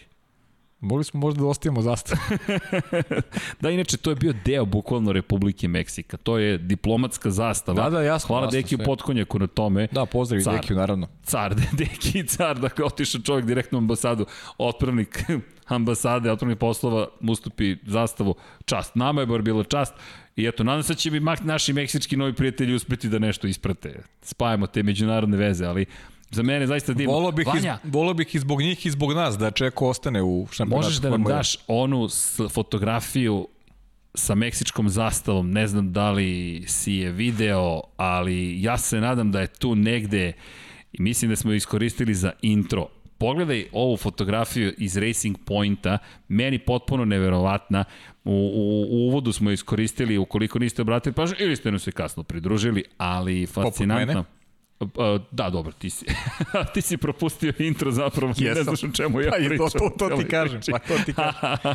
Pogledaj ovo. Au, sjajno. A, kakva čista umetnost. Jeste, Zaljubljenici smo u fotografiju Jeste. i zašto je ta zastava toliko? Pa To je zastava. To je nečega zastava. Inače, ovo je veoma važan simbol u svakoj državi, međutim, eto, kada pričamo o zastavi Meksika, nije, nije nam to bila namera. Namera je prosto bilo da ispoštujemo čoveka kao, kao nekoga koji je u pola veka zabeležio prvu pobedu za, za, za Meksiko. Po, prosto, potpuno neverovatna situacija. Kako god pogledate, eto, pozdrav ukoliko neko u Meksiku sluša, pa eto, šaljemo velike pozdrave. I Jeste. da nastavimo Bili smo, dalje. bili smo sjajni, pre, ovaj, bili smo sjajni, slušaj mene. Bili smo sjajni. A i, se, i, se, i si video, da li si te videli? Bili, ovaj, ste, bili smo sjajni. Da li si vidio ona, ona, ona slika što kruži Koja? internetom? Ne. Kao ide, ide Čeko Perez, Da? a komentator iz SK kao okreću se za Čekom. Kao. I si vidio? Stvarno? to nisam video. Nisi vidio to, pokazat ću ti posle. A, postali smo mem, Da, da. mim. Kao bili smo, mnogo smo kao pričali o Čeku Perezu. ja da, komentatorska kletva. Da, Ljudi, hvalili smo ga u, na velikoj nagradi Sahire. Eto vam dokaz da, ta, da, da, da, da, da to nije tako. Prosto, e, ako ja mogu da utičem da neko, e okej, onda se spremite za koga navijate i o Patreon ćemo da otvorimo. Da. Znaš šta ćemo na Patreonu da napišemo? Ja, sad mi je sinulo. Na Patreonu piše, ukoliko želite da ne spominjemo tokom prenosa vašeg vozača, prijavite se na mesečnu pretplatu ovde. Mo, bravo, A? bravo. A? Tako. I onda, ko, ko, čiji vozač ima više uplata, njega ne spominjemo tog meseca. Tako je. Tako je. Molim lepo, komercijalizacija. Bravo. Bravo. Odlična ideja. Reci. Antikletva. Da, da, raditi mozak savršeno danas. danas. mi je nešto Vrlo sam zadovoljan tvojim idejama, verujem. Da, Anti, može. komentatorska može. antikletva. Može, Kupite odlično. antikletvu. Odlično, odlično. Podižemo kletve komentatora. Ostavit ćemo i brojevi žiro računa, nema problema. Nema. E, pazi, tu sad, to je sad problematično. no, da se mi vratimo Formuli 1. Nadam se da smo vas zabavili. Ovo je bio intermezzo. Moramo da nađemo i sponzora komedije. Eto, vidiš kako sam u komercijalizaciju. Slušao sam podcast sa Flavijom Briatorijom i on čovjek kaže commercialization i to tako krene. No, šalo na stranu, dakle, oproštaj i novi počeci. Kada pričamo o oproštajima, Sebastian Vettel, to ono što smo rekli, došao je da emulira Mihaela Šumahira, nije uspeo tome, ali karijera nije gotova. Karijera nije gotova naprotiv, na neki način, kao što smo rekli, već počinje. Rekli smo, Ricardo se oprostio, Sainz se oprostio. Međutim. Može, međutim, mogu samo jedno, da, da, da ispoštuju Mamičila Vukića. Molim te. Kaže, evo kad pričate o zanimljivim podacima, imamo još jedan. Ferrari je po prvi put još od 1980. godine završi sezonu van 5 u šampionatu konstruktora. Te 1980. su bili deseti. Momčilo Vukić koji je inače uvek aktivan šalje Inače, poruke. Momčilo zajedno sa Šelom, čovek koji je pun podataka i stalno Jest, šalje. jest. Mina za Moto Grand Prix, Momčilo je vredan na Formuli 1. Evo, hvala, hvala Momčilu i eto, ni- nisam, I ovako nisam teo da, da, da, ali eto, prosto sam morao da, da, da odregam odmah na njegovu poruku. Hvala. Hvala, zaista hvala. Dakle, šta smo rekli? Oproštaj oproštaj. Ovi Perezov, mislim da smo toliko pokrili njegov odlazak da, da mora da se vrati, makar 2022. Mora da se vrati u nekoj moćnoj ekipi. Međutim, to, to je takva trka. Za razliku od njega, pričamo o tome da se opraštaju raznorazni od timova, to su novi počeci. Za Sebastiana Vettela već smo rekli, za Daniela Ricarda ideš u McLaren Mercedes. McLaren Honda je jedan kult. To je čuvena Marlboro Honda, Marlboro crveno-bele boje, to je nešto sasvim drugo. Međutim, pričali smo o srebrnim strelama i povratku Mercedesa 2010. godine u Formulu 1. Nismo pričali zapravo o prapočecima tog povratka u Formulu 1 I tu moramo da se dotaknemo Norberta Hauga. Ako ste zaboravili ko je, mada verujem da ljubitelji Formule 1 znaju o kome pričam, jedan ozbiljan gospodin, čovek koji je Mercedes vratio u Formulu 1, ali ne kao proizvođača bolida, već kao proizvođača motora. McLaren je u toj eri posle Honda imao, da kažemo, neke muke. Zašto imao neke muke? Pa, kada dominirate kako ste dominirali, kada imate jednog Ayrtona Senu, kada imate u svojim redovima kultne ličnosti kakav je između ostalog Sena, kak, pa i Alan Prost i dođete do toga da se pita, da se postavlja pitanje šta ćete učiniti i šta vi možete zapravo i počnete da tražite neke nove saradnike. Jedan od tih saradnika, ovo će vam možda čudno zvučati, je između ostalog bio Peugeot. Peugeot, ko se seća 1994. godine, seća se McLaren Peugeota. Mika Hakinen i Martin Brandl su vozi- vozili te da. godine. Jednom je Filip Alio menjao zapravo Miku Hakinena i to je bilo u Mađarskoj. Međutim, 1995. godine, ozbiljna ekipa, Nigel Mansell je potpisao te godine ugovor za, za McLaren, iako su posle rekli da to je bilo njihovih, njihovih najćih grešaka. Mika Hikinen i Mark Blandel, još jedan od Britanaca, ne Martin Brandl, Mark Blandel, su vozili. Mika Hikinen te godine čak dva puta bio na, na, na, na pobedničkom postolju. Prvo pobedničko postolje, Dakle, prvo pobedničko postolje Mercedesa, s McLaren Mercedesom je bilo pobedničko postolje Mika Hakinena. 1995. godine. Nije odmah usledila pobeda, ali to treba zapamtiti. Zašto? U McLaren Mercedes dolazi sada Daniel Ricardo. Lando Norris će biti tu. To je takođe jedna ozbiljna istorija. Duboko verujem da to treba da, da istaknemo, jer to je period kada je Mika Hakinen uspevao da, da se domogne dve titule, da se bori s velikim Mihalom Schumacherom, da dođu na sam vrh, da srebrne strele ponovo zažive. I sponsor West čuveni je... West, nemojte, da. da, West čuveni, dakle, nemojte da koristite duvan, eto, antiduvanska reklama, ali činjenica da su oni deo istorije Formule 1, to je, to je nepobitno. Dakle, osvaja dve titule, jednu titulu u šampionatu konstruktora i taj srebrni Mercedes postaje sinonim za brzinu ponovo, to jest McLaren Mercedes.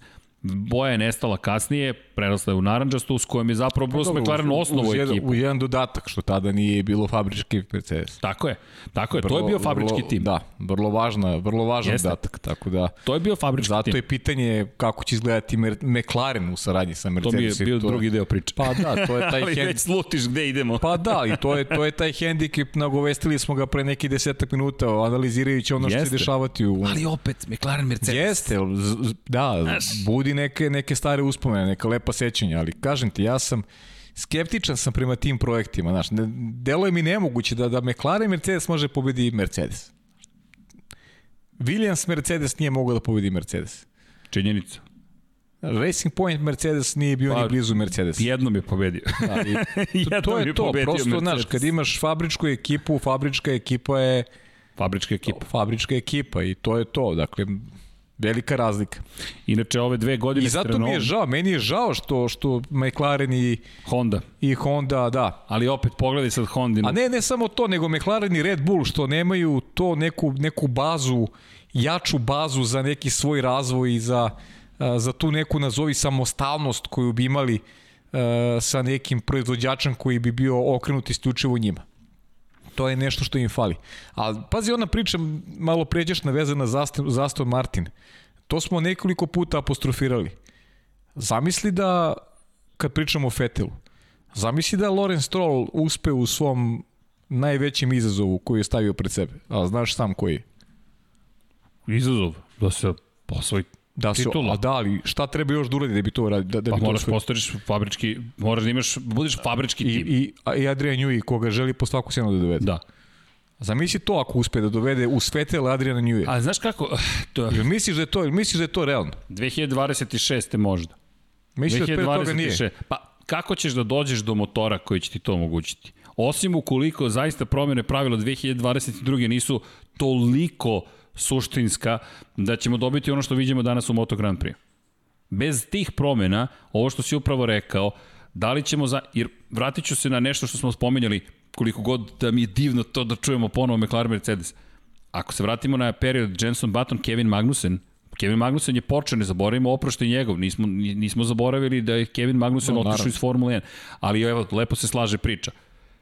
Kevin Magnussen je prvu trku u karijeri vozio savršeno, bio na poziciji broj 2 u McLaren Mercedesu. Razlika je bila u tome što je Mercedes sa Petronasom razvijao goriva i maziva spet i ulja za, za, za, za taj motor.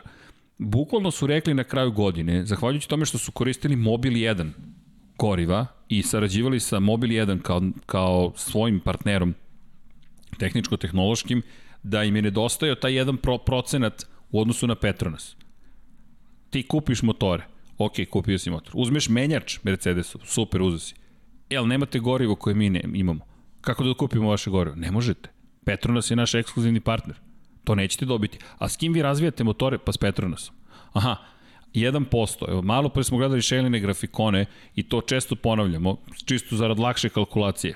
Evo, 100, koliko? 100 sekundi traje, 110 sekundi traje krug. To je tačno minut 40. Eto, to možemo na 100, da, u stvari 110 minut 50, dakle na minut 40 dođemo na 100.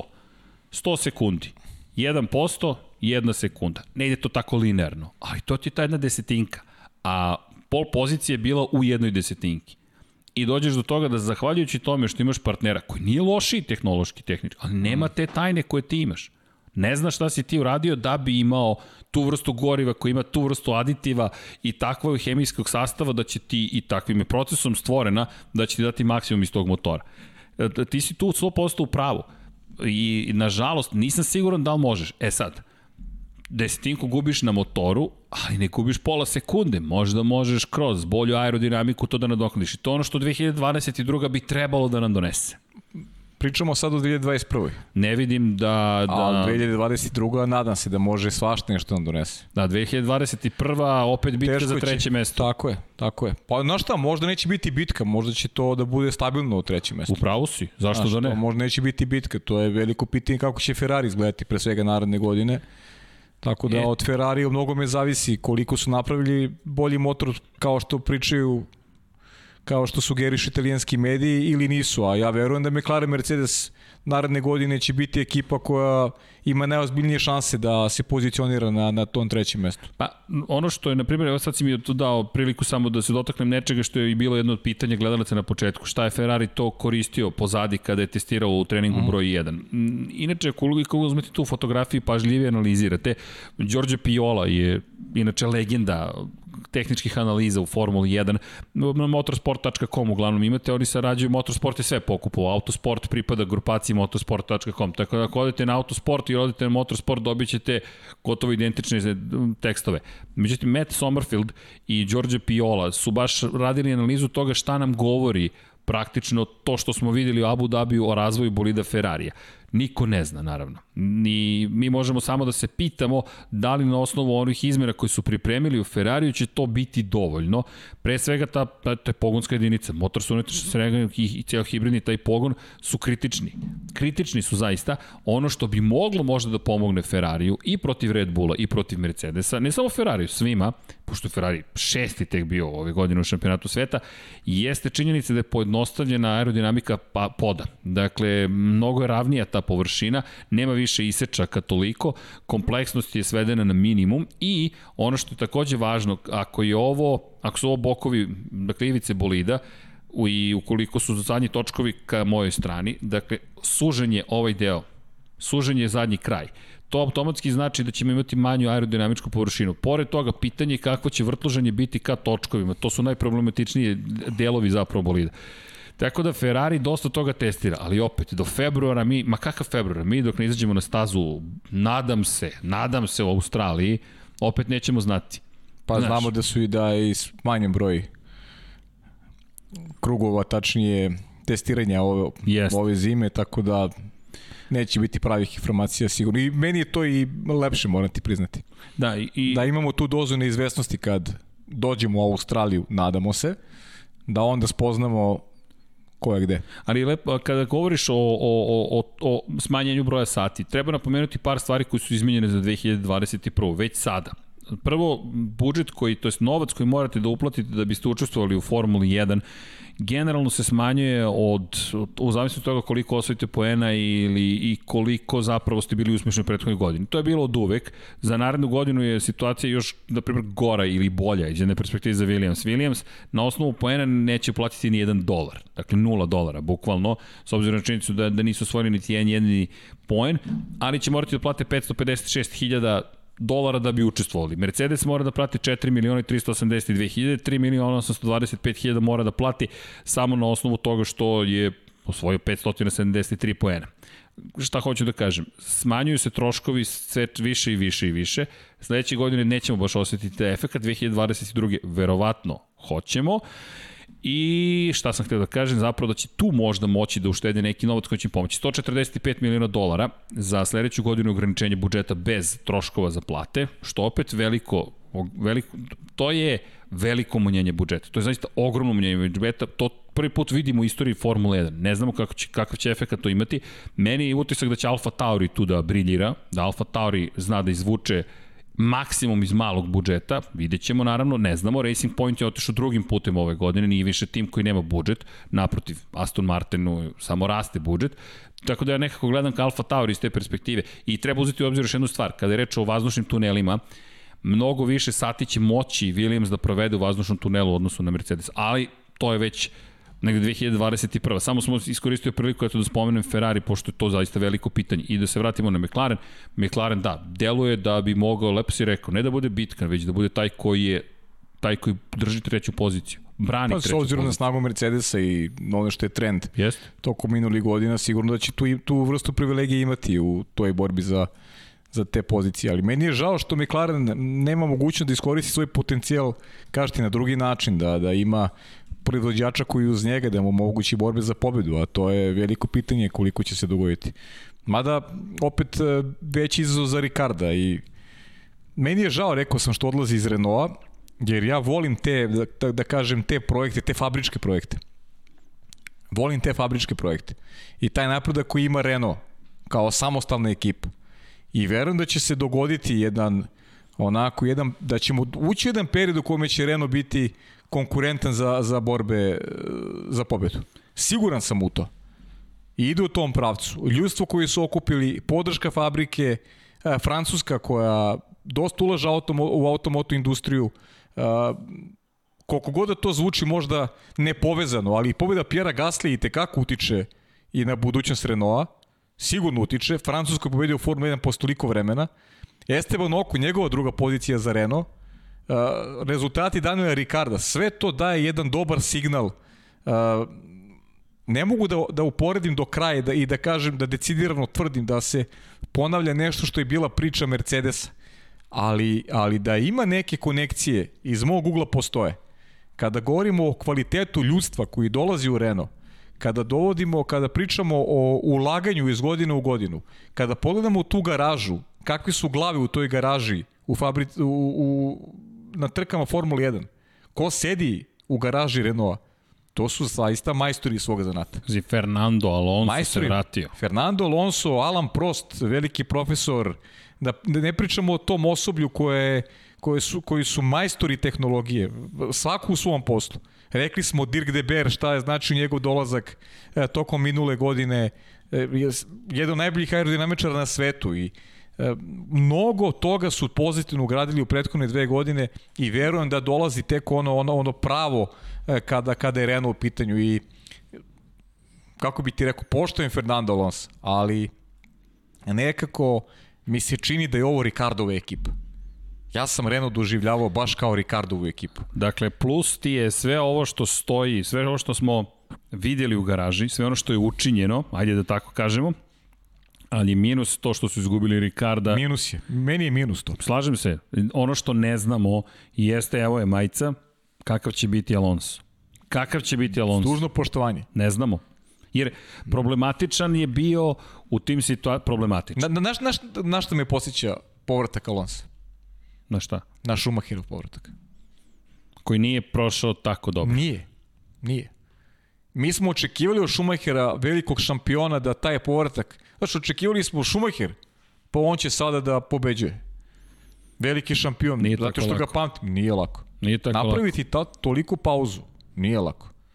Jedino što ohrabruje je taj neke, ta neka volja i, i Fernanda Alonso da da bude koliko je već jedan, jedan duži vremenski period u garaži Renaulta, priprema se naporno za 2021. Svestan, svestan da je propustio dosta. A opet veruje u taj projekat. Ne bi on došao u Renault da, da, nema, da nije dobio jasne signale da, da će to ići u jednim dobrim tokom kada je u pitanju razvoj bolida. To ne bi, po tome je oslovom pričao Flavio Briatore. Jeste. Flavio je rekao, Alonso, Alonso vuče prave poteze, Alonso ne ide, e, što se kaže, u nepokošeno.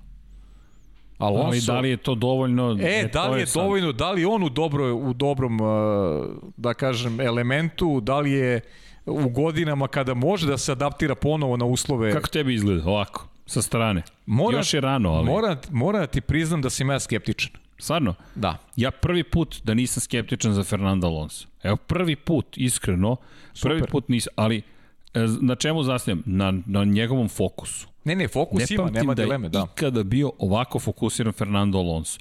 Da je on spreman da testira bolid start 15 godina, suštinski da ga testira na stazi, da na neki način se ponižava, jer koliko god je ovo dobra prilika da iđe na stazu, meni je poražavajuće da na testu mladih vozača mi pored imena i klinaca koji u životu nisu videli bolid iz te perspektive Formula 1 sede s čovekom koji je osvojio dve titule, vozio se sa Schumacherom, vozio se za Minardi, prošao V10 eru, V8 eru, hibridnu eru, otišao i sada sedi sa njima. Možda je prejaka reč ponižavanje, to je, to je možda da. snažno, ali ti si spreman da da progutaš knedlu i da sediš sa klincima na istom momentu i kažeš ok, ne interesuje me Nije bitno šta će ko da kaže za mene, bitno je samo da osvojim šampionsku titulu, pa, ako mogu. Ali znaš kako, opet, znaš ko je, ko je moje gledanje? 40 godina, znaš. Da li imaš i dalje tu glad, te, e, te vrste da si spreman i da rizikuješ i da budeš agresivan i da da možda neki put preuzmeš nešto A- što sa 23 godine A to je meni ne ovo. bi uradio. To je znaš. meni ovo, da si ti spreman sve da uradiš, Pa da, ali... O, o, da dođeš do vrha. Jeste, ali ovo je sada samo trening. Znaš, Okej. kad, kad dođu trke, menja se percepcija. Kad dođe direktan duel na trci protiv, ne znam, Carlosa Sainca, protiv Albona, sada pričam protiv, a zamislite kle, Pazi kako si izvukao Maxa. Sainca, španac, pa, pa španac, da, okej, ali sad, Ferrari. znaš zašto, svesno sam izvukao vozače za koje ne mislim da su u toj prvoj kategoriji tih mladih vozača koji sutra treba da se bore za titulu, svesno. Nisam rekao Maxa, nisam rekao Rasela, nisam rekao Leclera, Leclera, Leclera zašto Lecler ima, pa dobro, i Lecler i Sainz imaju i Ferrari sad u rukama, ok, ali Lecler je neko ko treba bude lider tog Ferrarija, realno. A, tako je projektovan, sad vidjet ćemo kako će stvari odvijeti. Svesno sam a, izbegao da kažem te a, najjače dute iz mlađe generacije. A vidimo koliko su agresivni i Albon i sa, Lando Norris. Pa te momke treba pobediti sada na stazi. To, Dobro, to, nije pazi, lako. to obećava, dvi, to, to obećava, 2021. Ali srđani već svedoci smo, ovako. kao što naravno e, normalan proces, smena generacije, normalan proces. Ovo nije smjena, šta je ovo sada? Pa, Ovo je- vratila se stara generacija. Vratila se stara, ali kažem ti, pitanje je koliko može Dobro, to je neko nje- ko je toliko pauzirao sa 40 godina, jeste veliki šampion. Mi smo malo, pazi, oboji, ja sam sentimentalan prema tom povratku Fernanda Alonso. I meni je drago što se vratio.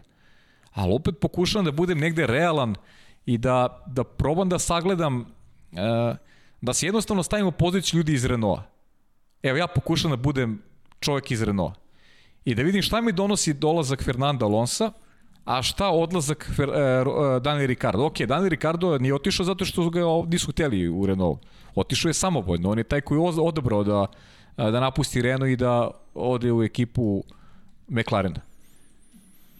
A opet, s druge strane, znaš, šta dobijam dolaskom Fernanda Alonso?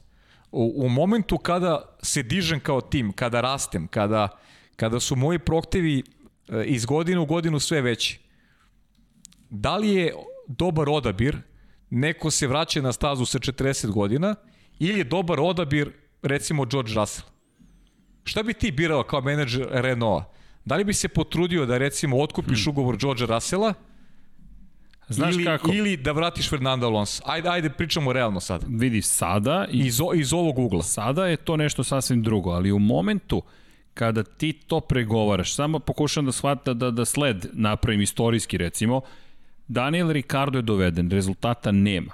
Mi ako pogledamo prošle godine kako su izgledale stvari, evo Daniel Ricardo, samo, samo kratko, u 2019. godini, za, za početak ajmo ove da se dotak, ajmo, ajmo od prošle, 2019. Samo 8 puta je osvajao poene u 21. trci.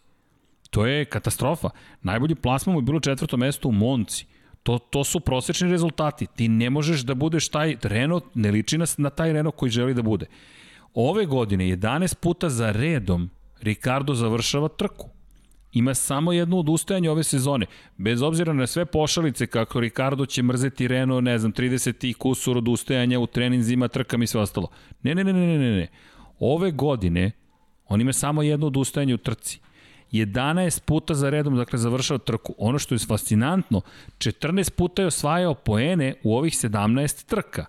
Dakle, mi govorimo o čoveku koji je na petom mestu u šampionatu sveta, bio je deveti prošle godine sa 52 boda. Ove godine ima duplo više skoro poena. Dakle, skok je ogroman. 14 puta osvojiti poene u 17 trka je ogroman skok. Ali to se desilo pošto je Ricardo već rekao oduh u McLaren. Mislim da je i on požurio. Znaš na, na šta me podsjeća iz jedne perspektive? Podsjeća me na Jorge Lorenza i Ducati. Nije tako ekstreman primjer. Nisu počeli da pobeđuju, ali to je bukvalno taj moment. Izgubljeno je poverenje. E, iz, poverenje kada si, lako se gubi poverenje. I sentimentalna je ta priča. Kada pogledaš Cyril Abitobel koji, koji sada gleda Ricarda ko, ko dete na neki način, tetoviraće se zbog njega, završili su na pobjedničkom postolju. Ceo tim je mnogo napredovao i to i rekao Abitobel. Ovo je iz nas izvukao Daniel Ricardo, ali to je izvukao u drugoj sezoni. Posle prve godine ocene su bile loše. Nekako mi to i podsjetnik svima nama. Hajde da ne sudimo na osnovu jedne godine. Nekim ljudima je potrebno više vremena da se stvari uklope. Jedna godina brzo prođe. Baš ovako brzo Da, prođe. da. A, a ti u tom momentu gubiš Ricarda, Dolazi ti Fernando Alonso i sad ti se sećaš, to je moj utisak samo, ne znam šta se zbivalo, nisam u glavi, Sirila bi to bilo, nisam prisustvovao tim pregovorima. Ti se sećaš čega? Evo ovoga se sećaš. Sećaš se Fernando Alonso, sećaš se e, šampionskih momenta. Ovo je bolit koji su oni izveli na stazu. Hvala inače za ovaj poklon. Dakle, neverovatno, ovo smo takođe dobili. Dakle, mi govorimo o ovom klincu iz Ovijeda, Bik iz Ovijeda, koji je uspeo da napuni tribine u Kataloniji i ti onda gledaš svoj znak Renaulta, gledaš Fernanda, seta te hvata, navijači kažu vratite nam Nanda, to je ipak dvostruki šampion sveta i ti kažeš to je potez koji mi povlačimo jer nam je Ricardo otišao. A da ti odgovorim pitanje da li bih sada da angažovao bih Rasela. Sutra bih angažovao Rasela. Sutra e, bih angažovao. Ja, sam ti Ovako. ja bi isto. Pazi, George Russell Znaš, za mene je zve, ne zvezda, to je trkač šampion. Znaš kako je sad ima, znaš, ima neki komentara, već e, pristižu kao nije pitanje Fernanda, on je top vozač, on će da pogine, pitanje je Renaulta. Pa da, ali uh, pitanje je Renaulta. Mora da se, mora bude kompilacija. Ako, ako Renault u momentu ne ide, pa mora da imaš vozača koji je stabilan, koji će da kaže, ok, ne ide Renault, ali ja ću da guram. Ja ću da i guram da krene. Znaš, ne može ono ponašanje iz McLarena, prekrstio sam noge i sad uh, sprdam se zato što je McLaren loš.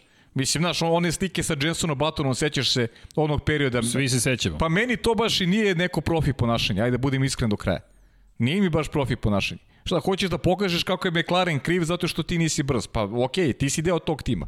Budi deo tog tima i kad ne ide. E, to je lepo rečeno. Ne, nemoj da pućaš pod pritiskom i da stavljaš ljudima do znanja kako je tim kriva, nisi ti. I nemoj javnosti da govori... Da, ne, ne, nemoj javnost. to da radiš. Nemoj o, to da radiš. U kući ostaju stvari. Tako je. Pa šta ćemo ako sutra Renault zaista ne bude na nivou koji mi očekujemo da bude? Ale... Hoćeš opet da staviš do znanja kako je Renault kriva, nisi ti. Znaš, to, to ne ide. To je to. Ne ide tako. To je ono što, zašto imam, nemam zadršku, zašto mislim da je ovo drugačiji Fernando Alonso. Ako ne bude drugačiji... Ja bih voleo. Ja bih voleo. U problemu su ozbiljnom. To je taj tim koji je onda osuđen na tri godine propasti. Zašto? Zato što se teško oporavljaš od tih problema. Vrlo teško se oporavljaš, Honda i McLaren se nikad nisu oporavili. Nikad se nisu, nisu oporavili. Realno nisu. A očigledno da je Honda imala potencijal. E sad, do, do, govorimo o dve stvari. Prvo, ti timovi su veliki. Ti imaš 1400 ljudi. Možda nama izgleda kao da je banalno kada se, ne znam, Lewis Hamilton zahvali na kraju trke i kaže hvala svima u fabrici. A znaš šta, ja da sedim u toj fabrici da meni jedan Lewis Hamilton kaže, e, hvala, ja bih zaista verovo da se on direktno meni obraća. Nikom drugom. Zato što sam ja deo te ekipe. 1400 ljudi učestvuje u, raz, u radu. Na primjer, 1600 u, u punoj sezoni. Jedan Williams zapošljava 1400 ljudi. Ljudi, 1004, nas u studiju. Nema nas e, ni, da. ni, ni za jednu ruku.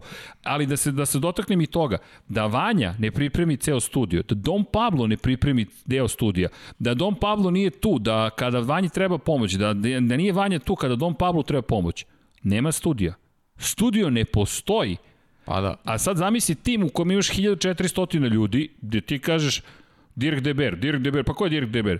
Čovjek je bio u Lotusu sa Jamesom Ellisonom između ostalog. To su ljudi koji su se šetali od Ferrarija, Renaulta, Lotusa, ne, ne znam gde nisu bili. Poenta je, tim si i kad pobeđuješ i, i kad gubiš. Mora budeš tim. Ne možeš da ideš mimo tima. To su tvoji ljudi, budi uz njih. To su one slike i Romana Grožana u krajnjem slučaju. Roman Grožan koji je često bio dosad malo sa svojim komentarima.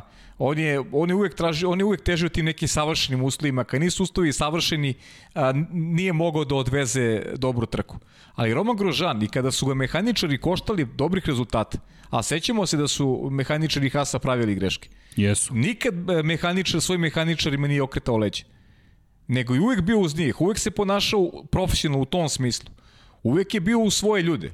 To je ono što gledamo u Naskaru. Sveti se u Naskaru koliko mehaničara. Ove godine smo imali samo primjer da je, da je Chase Elliot mogu da ostane bez titule zbog mehaničara. To je ono što smo napominjali. Onog čoveka, svi su stali uz njega. On čovek nije mogao, on je bio van sebe potpuno. Stali su uz njega, stava je vozač, stala je ekipa. I to je nešto što mora da, da, znači kompilacija svega mora da bude, to mora bude grupa. A zato ti kažem, znaš, e, Fernando Alonso je često imao te pucao pod pritiskom jednostavno, ajde da budemo iskreni do kraja pucao je često pod pritiskom. E sad, kako će izgledati to sa 40 njegovih godina, ja, ja njega stvarno poštojem da mi ljudi ne shvate pogrešno i radujem se njegovom povratku. Ali sam skeptičan evo iz razloga koje sam naveo kako će izgledati taj njegov povratak u Formuli 1. To je ogromno pitanje, ali je lepo da što nam se takav šampion vraća. Prelepo je vidjeti pa, takvog šampiona. To je ono što smo rekli, koliko titula ćemo imati na jednom mestu. E sad samo to njegovo vraćanje, da li će dovesti do onoga što sam spomenuo kada je reč o Mercedesu. Na kraju sezone Mercedes je na svoj bolid, na oplatu svog bolida ispisao imena svih ljudi koji rade u tom timu. Pogledaj ovaj kadar. I da. ja bih sebe tražio ovde. Ja bih sebe ovde tražio i imate Imate na, na, na, na internetu nisi, nisi tu, nisi. Hvala ti, ali ne, e, samo jedna zvezda kod mene sija, zove se zapravo i binarni sistem Infinity Lighthouse. Šalim dakle, se, to je svetlost koja sija. Poštujem ja i Ferrari, i Mercedes, i McLaren, ali mi igramo za Lab 76, da ne kažem Infinity Lighthouse i Sport Club. Tako da, tamo može da se traži ime.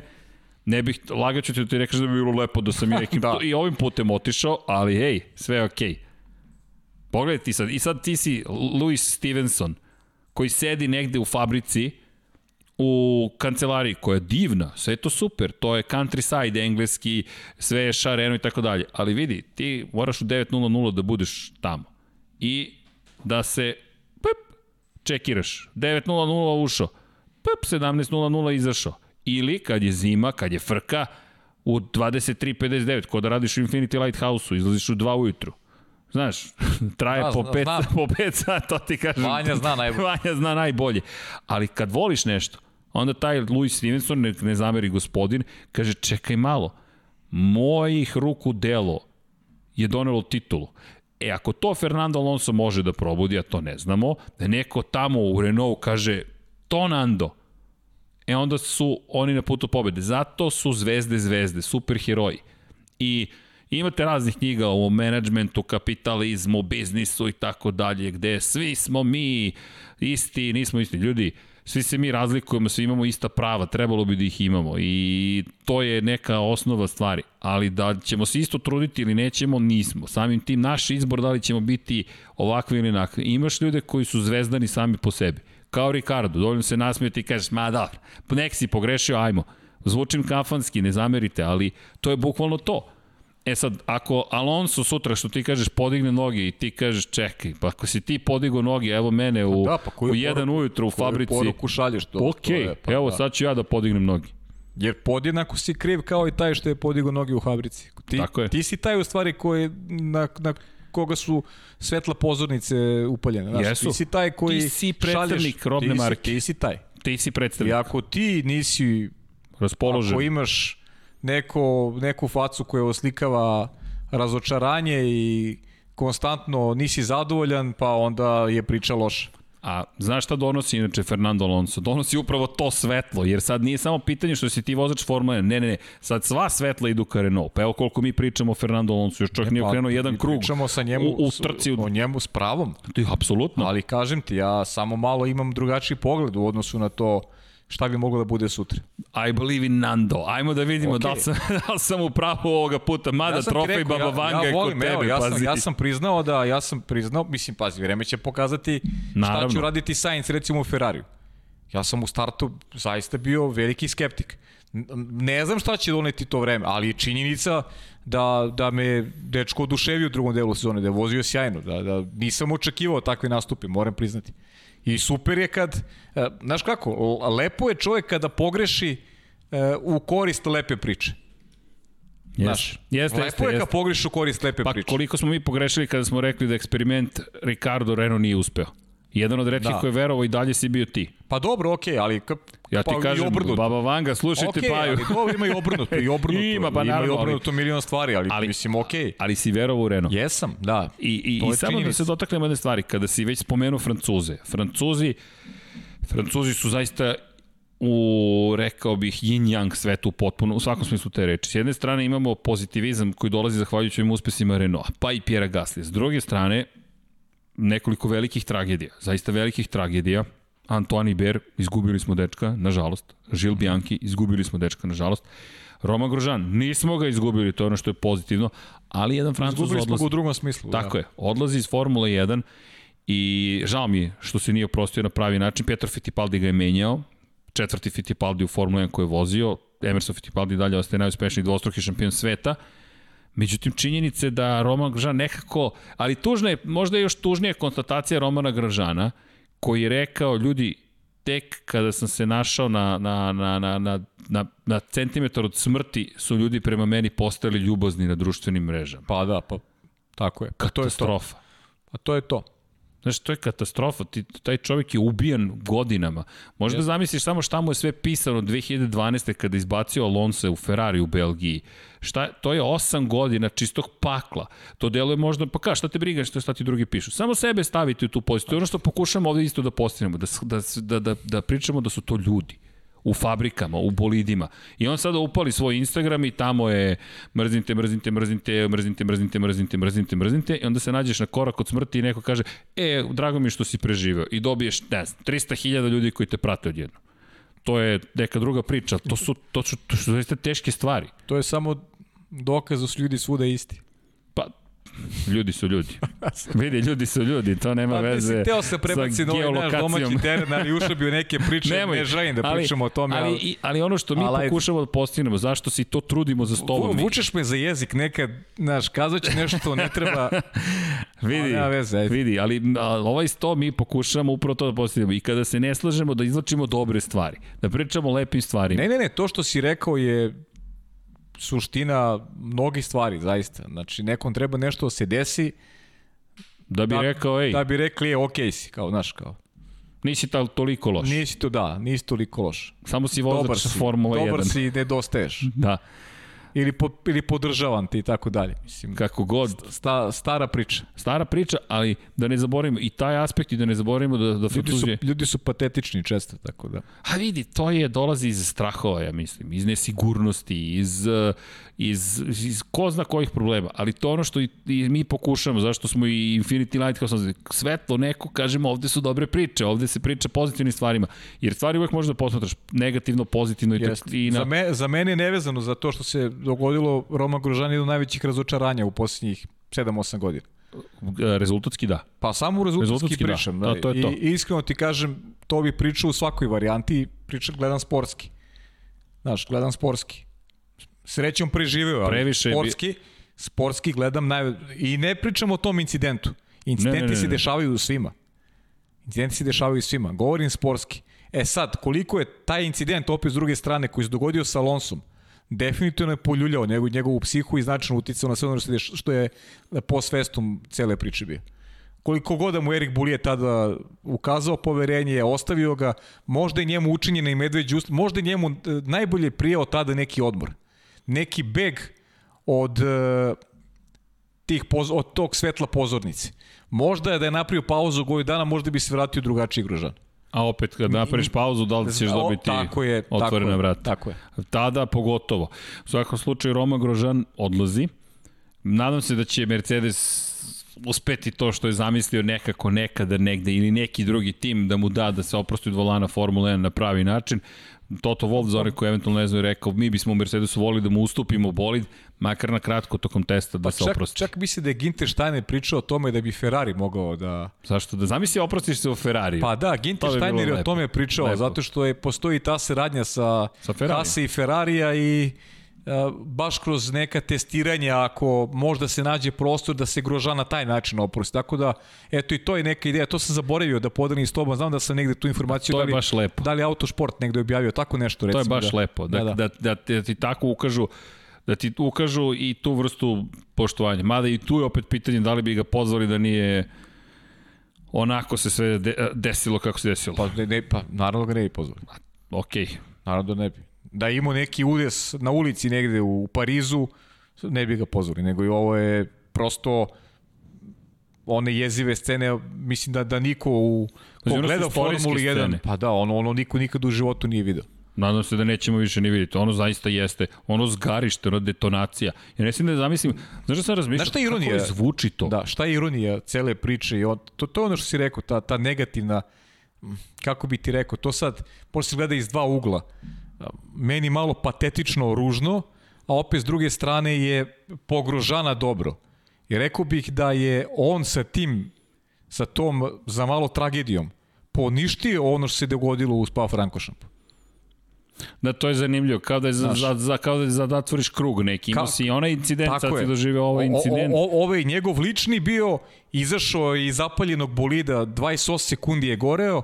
I u smislu o, tako emotivnih tako emocija je. koje Možda zamisliš koliko su mu tebi. pretili tada navijači Ferrarija i kakve da, je poruke dobio. Je, ali to, da šta sam teo ti kažemo, to kada pričamo generalno, svi smo mi ljudi, ali mislim da, da možemo bolje da i sebe izvučemo, da je to onaj rad na sebi, da kažeš čekaj, ne moram, ajde da razumem i, ok, izbacim neki bes, ali da njemu su pretili. I svašta je on doživio. Da, svašta je doživio. Zamisli ti neko preti zato što si nešto učinio u svom poslu i kažeš, ok, čekajte ljudi. To, pri to nisi uradio, nisi uradio namerno, nisi ne. to uradio namerno. Ne, Neoprezno, da, ali nisi namerno. Ovo je bio Alonso, mogu da bude neko drugi.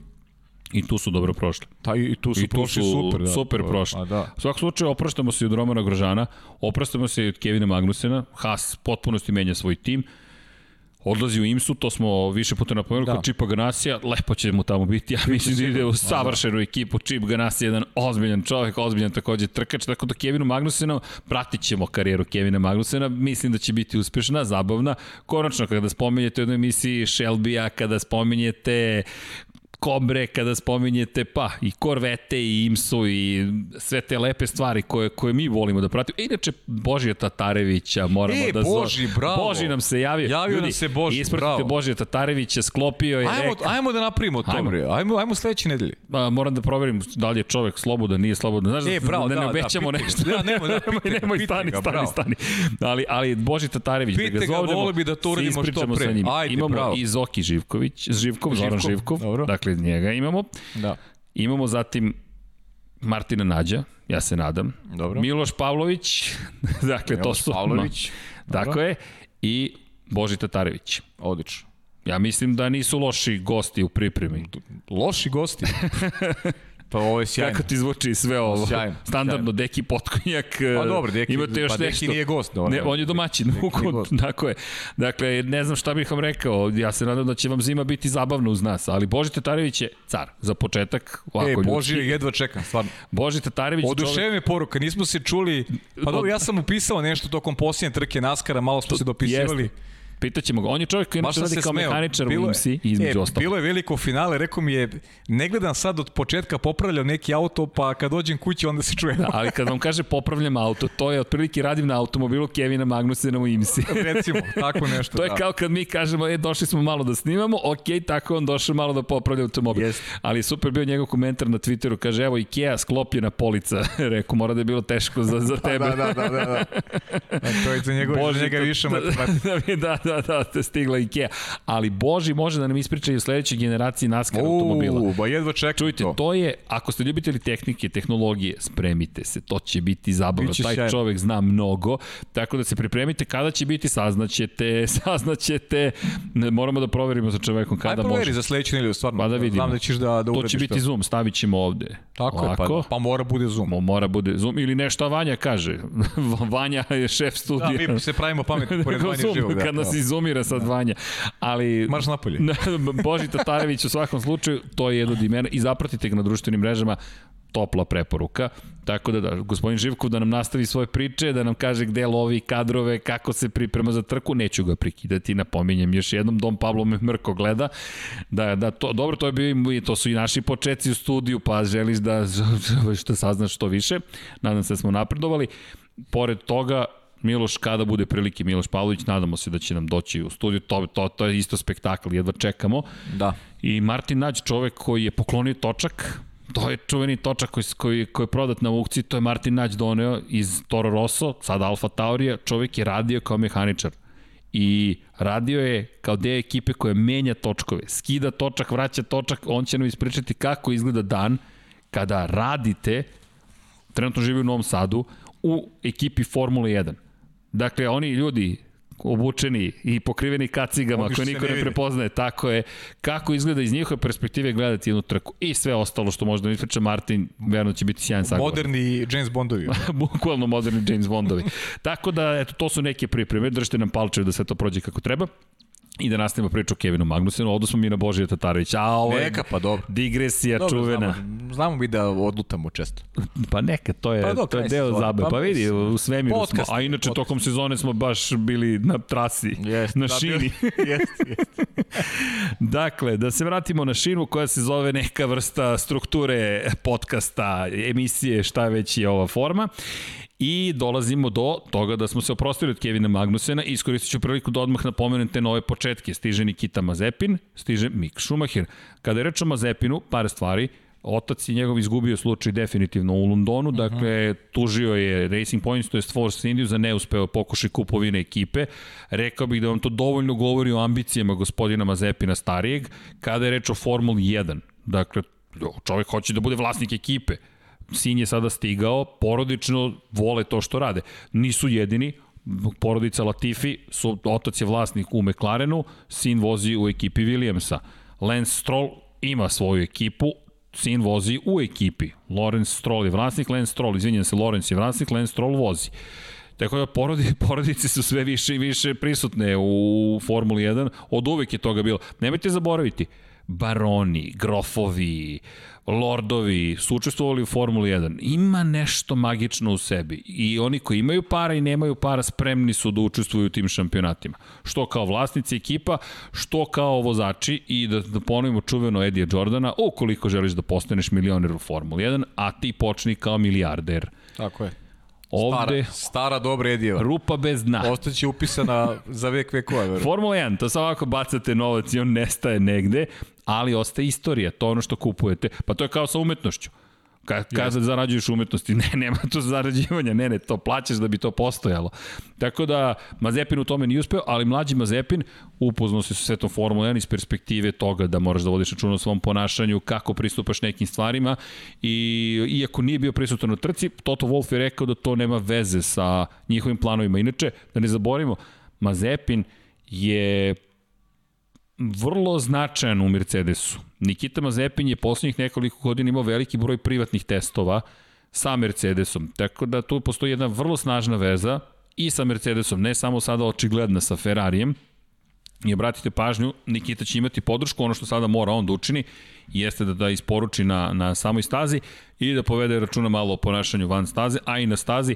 Ne može da se ponaša kako se ponaša na posljednji trci Formule 2, koliko god bogat bio ili brz bio, postoje granice koje moraš da poštuješ i drugo, kodeks ponašanja u Formuli 1 je takav kakav jeste. Formula 1 je vrh samog sveta automotosporta, pa i možemo reći poslovanja i show biznisa, sve to iskombinovano u jednom i s te perspektive Nikita taj posao mora da nauči. nauči. Kada reče o brzini posjeduje, vidjet ćemo kako će se snaći. Da. Mick Schumacher s druge strane, to smo pričali, stigao je sama činjenica da piše m.schumacher na bolidu, na opremi, Jeste, biće, posebna priča. Da, da, biće naravno vrlo zabavno i Biće zabavna i ta kombinacija, govorili smo sad, baj da se da se toplo ne ponavljamo. samo. Samo da konstatujemo, novi početak. Baš je toplo hladno, da, i tu će malo Ginter Steiner za koga smo se složili da pitanje koliko je on taj lik koji treba tu da napravi jedan balans u ekipi.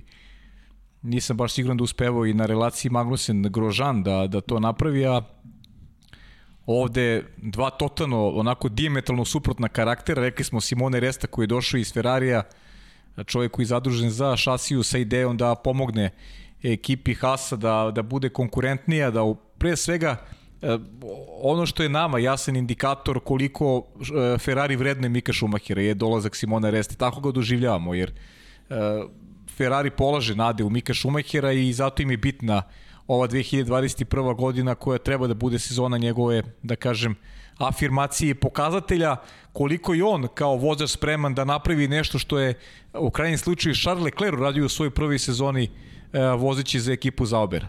A to je bilo vrlo e, korektno od strane Charles Leclerc. Identični su, identične su matine priče, šampioni Formule 2, prva godina za jednu malu ekipu, gde će Mik Schumacher opet imati s druge strane i tu vrstu pritiska od strane Nikita Mazepina koji znamo da je vrlo agresivan vozač, da, ka, da budem jasan, dobar vozač. Nije da, to, nije to, to samo rekli. sin milijardera. Nije, nije, on je, dobar je vozač. On je dobar vozač. E sad malo je drugačiji. A, dečak kome treba možda malo više vremena mi dečaci generalno malo, malo duže vremena treba da sazrimo, da budemo iskreni ili tako. E, Nikiti će možda trebati malo više vremena u drugi dečaka, jer e, tako, pok, tako izgleda njegov život, makar ono što deli sa ljudima na društvenim mrežama, kako se ponašaju i ranije, kako se ponašao dok je vozio karting. Nije to baš bilo onako sve, da kažem, u, vinklu, što se kaže. Tako da, meni ta kombinacija deluje baš onako interesantno i mislim da, Nik, da, da Nikita Mazepi neće popuštati Miku Šumahiru, to bez dileme. Tu će biti zaista interesantnih bitaka naredne godine. Pričali smo, kao što si rekao, i tokom prethodne nedelje dosta o tome. Međutim, spomenuo si Leklera. Kog Leklera spominjemo? Da ne zaboravimo, Dom Pablo prati pomno karijeru koga? Artura Leklera. Artur da. Lecler da. potpisao je za premu u Formuli 3 Dakle, stiže i mlađi brat, porodica Leclerc će biti sve prisutna, opet pričamo o porodicama, yes. kreće od Preme, Prema je sa Mikom Schumacherom sada bila zaslužna i za osvajanje pa, pa ne samo to, ajmo idemo, jedan moćan tim. Idemo u Formulu 3. Da. Idemo u Formulu 3. Oskar Pjastri je sa Premom bio šampion u Formuli 3. U stvari Artur Leclerc dolazi na mesto uh, Oskara Pjastrija. Tako je. Pjastri ide u istu premijenu ekipu Formulu 2, a Artur Leclerc dolazi na Pjastriju mesto u Formuli 3. A kao što smo rekli, u premi je Schumacher osvojio titulu. Tako, tako da i jedan i drugi idu na šampionske pozicije. Tako je, i tamo čeka, Artura Leclerc čeka Josh Sargent koji je bio treće plasiran u Formuli 3 prošle godine. Pratimo. Pratimo, Pratimo pomno naravno. šta se zbiva, dosta potpisa. Kada je reč o Formuli 2, Yuki Tsunoda još uvek nema tu potvrdu, čisto da napomenem. Da, I dalje da. tu stojimo i svi zajedno i čekamo. Dani Kvijat, to je zanimljivo, kada pričamo opet o oproštajima. Dani Kvijat je delovao kao da se oprašta od ekipe i način na koji se zahvalila ekipa na, na kraju trke je govorio negde u prilog tome, imao je sjajne kvalifikacije, loša trka na kraju kada je reč o neosvojenim poenima, rekao da onaj prvi set guma zapravo na kraju bio problematičan za njega, nekako onaj moment iza vozila bezbednosti rekao da je bio ključan, što za Ricarda da skoči pet pozicija, što za Kvijata u tom momentu da izgubi isto toliko pozicija. Tako da Kvijat mi deluje da je bio žrtva i situacije, ali takođe jedna rizična strategija, uslovno rečeno, to je rizik. Morate da se probijete u Q3, jedino možete na, na, na making gumama, onda kreću problemi. Generalno nije se toliko dobro snašali. Kvijat je dobar bio na kraju sezone I s jedne strane je tužno što svaki put nekako se pokrene kada mu zaprete otkazom ili kada je gotovo neminovno da će ga dobiti. Pa dobro, ali znaš šta je bitno? On se pokrene, znaš. Pokrene se, činjenica. Pokrene se i neko ko nije uzelo utraćio vreme u Formuli 1. Vidi, on je bio sjajan kao yes. rezervni vozač i kao yes. vozač simulatora. Ja ga očekujem ponovo u toj ulozi. Vrlo moguće. Sad gde je, to ćemo moguće. vidjeti. Prošli put je da. bio u Ferrariju i Ferrari je bio prezadovoljan kako su i oni i Antonio Giovinazzi radili u simulatoru. Jeste, jeste. Giovinazzi dobio priliku u Hasu, oprostite u Alfa Romeo, tamo se dokazao, ponovo pobedio Kimi Raikkonen, ta ekipa se ne menja. Kada pogledamo tu trku, pobedio ga kvalifikacija. Međutim, Kimi, moram da pohvalim Kimija. Kimi je najbolje plasirani Ferrari korisnik Jeste. u Abu Dhabiju. Pa dobro, Kimi je i pobeđio u Abu Dhabiju, tako da... Jeste, ali, ali koliko god to zvučalo tragično, Ferrarivi korisnici nisu osvojili ni jedan jedini poen. Kimi je u toj grupi vozača bio najbolji, bolji od Đovinacije, bolji od Fetela, bolji od Leklera. E, rad Ferrarija na agregatu je od krucijalnog značaja i za ono što ćemo gledati u Hasu i Alfi naredne godine. Zato nam je i tu interes da, da vidimo još veći napredak Đovinacije u, koga ja verujem u toj kombinaciji sa Kimi Rekojenem mogo samo da nauči, evidentno postao bolji vozač, a opet s druge strane e, i Mik Schumacher i Nikita Mazepin vape za boljim agregatom kako bi oni mogli da uđu u te neke borbe za poene, uzbiljnije borbe za poene, što je nedostilo ove godine i Hasu i, i Alfi, tako da se nadam da će Ferrari odraditi bolji posao u pripremi agregata. Nadam se da si upravo, da, da će biti mnogo bolje. Nekako, pa neki ja insajderske da informacije iz Italije govore da je to već spremno. Ono što, uh, znaš koliko su italijanski novinari dobro bavešteni, Ferrari, uh, Ferrari je onako uh, zaštitna marka u Italiji, Ferrari je voljen, opšte, opšte prihvaćen u, u celoj zemlji i posebno se priča i piše o Ferrariju. Ja verujem u toj informaciji koju italijanski mediji, pogotovo Gazeta della Sport objavljuje vezan za Ferrarija. Sam ubeđen da je taj da je, da je, da je dobar, da je bolji moto spreman. E sad ono što je problem, da li ovi ljudi koji vode Ferrari mogu da ga povedu tamo gde treba. Rekli smo, otišao, otišao Luis Kamiljari, tražili su želeli su da vrate starog dobrog Stefana Dominikalija, propala je ta mogućnost zato što Dominikali preuzima mesto Chase Carey, izvršnog direktora u Formuli 1, tako da od te, od, te, od te rabote nema ništa, ali ja iskreno ti kažem, nisi siguran da će Mate Binotto ostati. Ali vidi, Kamiljeri odlazak je velika stvar. Da, to, velika stvar to smo, u, u svetu biznisa. Polemisali smo ti ja oko toga, I da. I to je nešto što, što zaslužuje ozbiljnu pažnju. Mm, šokantno je bilo čuti da odlazi.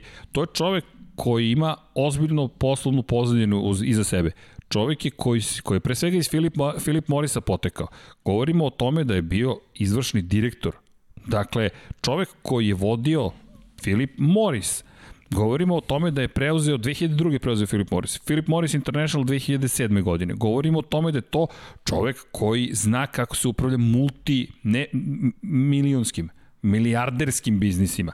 Nije neko koga tek tako angažujete. To je čovek koji ima vrlo ozbiljno iskustvo iza sebe.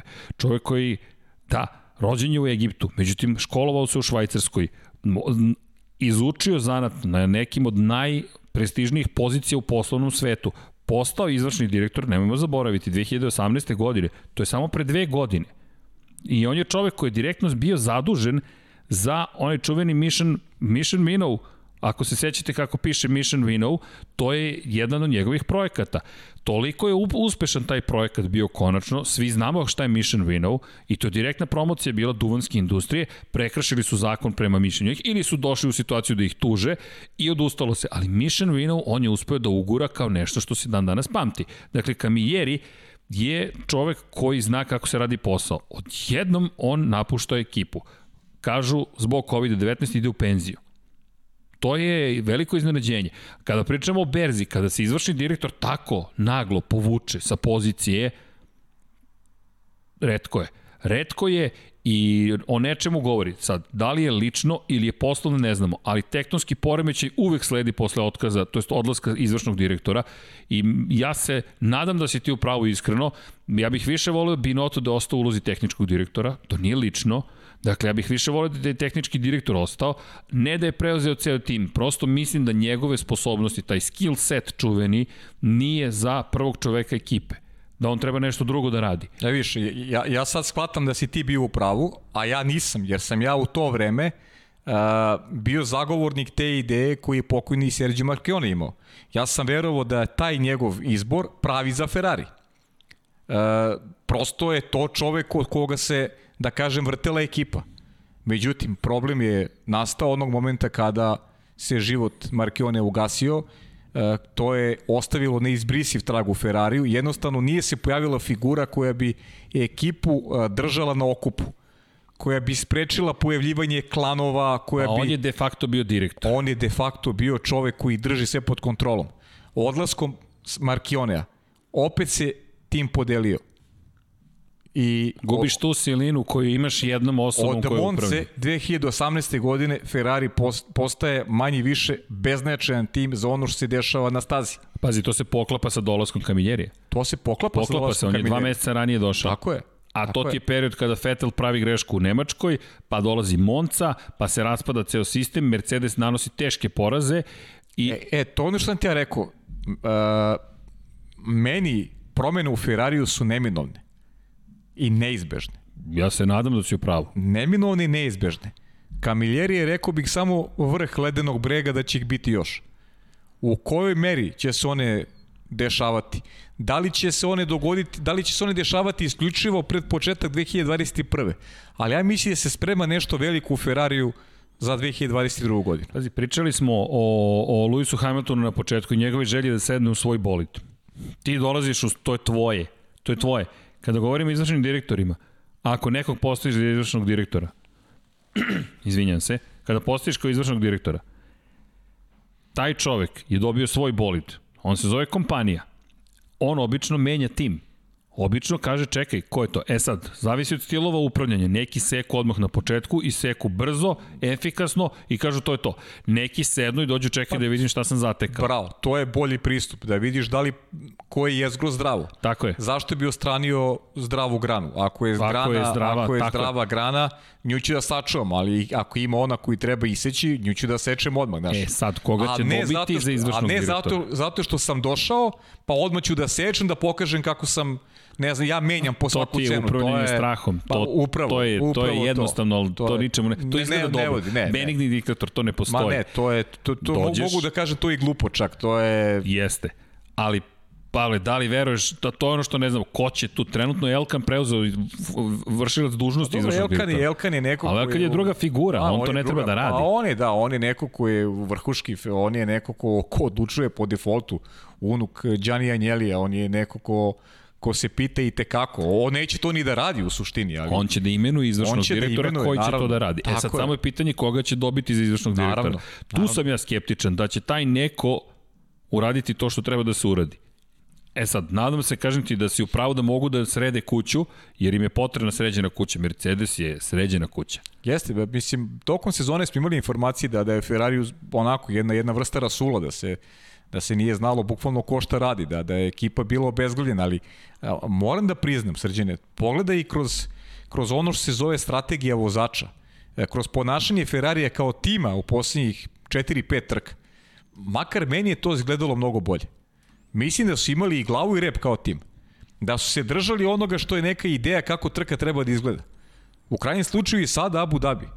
Idemo na srednje tvrde gume, to je naša ideja. Znamo šta hoćemo često su lut, baš su bili jednom momentu onako bezgledni, kao da su čekali reakcije drugih, tako se ponašali.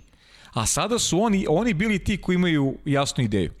I meni, se nek, meni neke stvari izgledaju mnogo pozitivnije, bez ozira što tu rezultati nisu bog zna kako bolje. One, one treće mesto Sebastina Fetela i trka Charles Leclerca, to je više bio splet okolnosti nego što je realno stanje. Ok, dogodio se i to je bio jedan emotivni trenutak za Sebastina Fetela, nešto što je on kao i čovek i kao voza zaslužio, ali to nije realno stanje Ferrarije.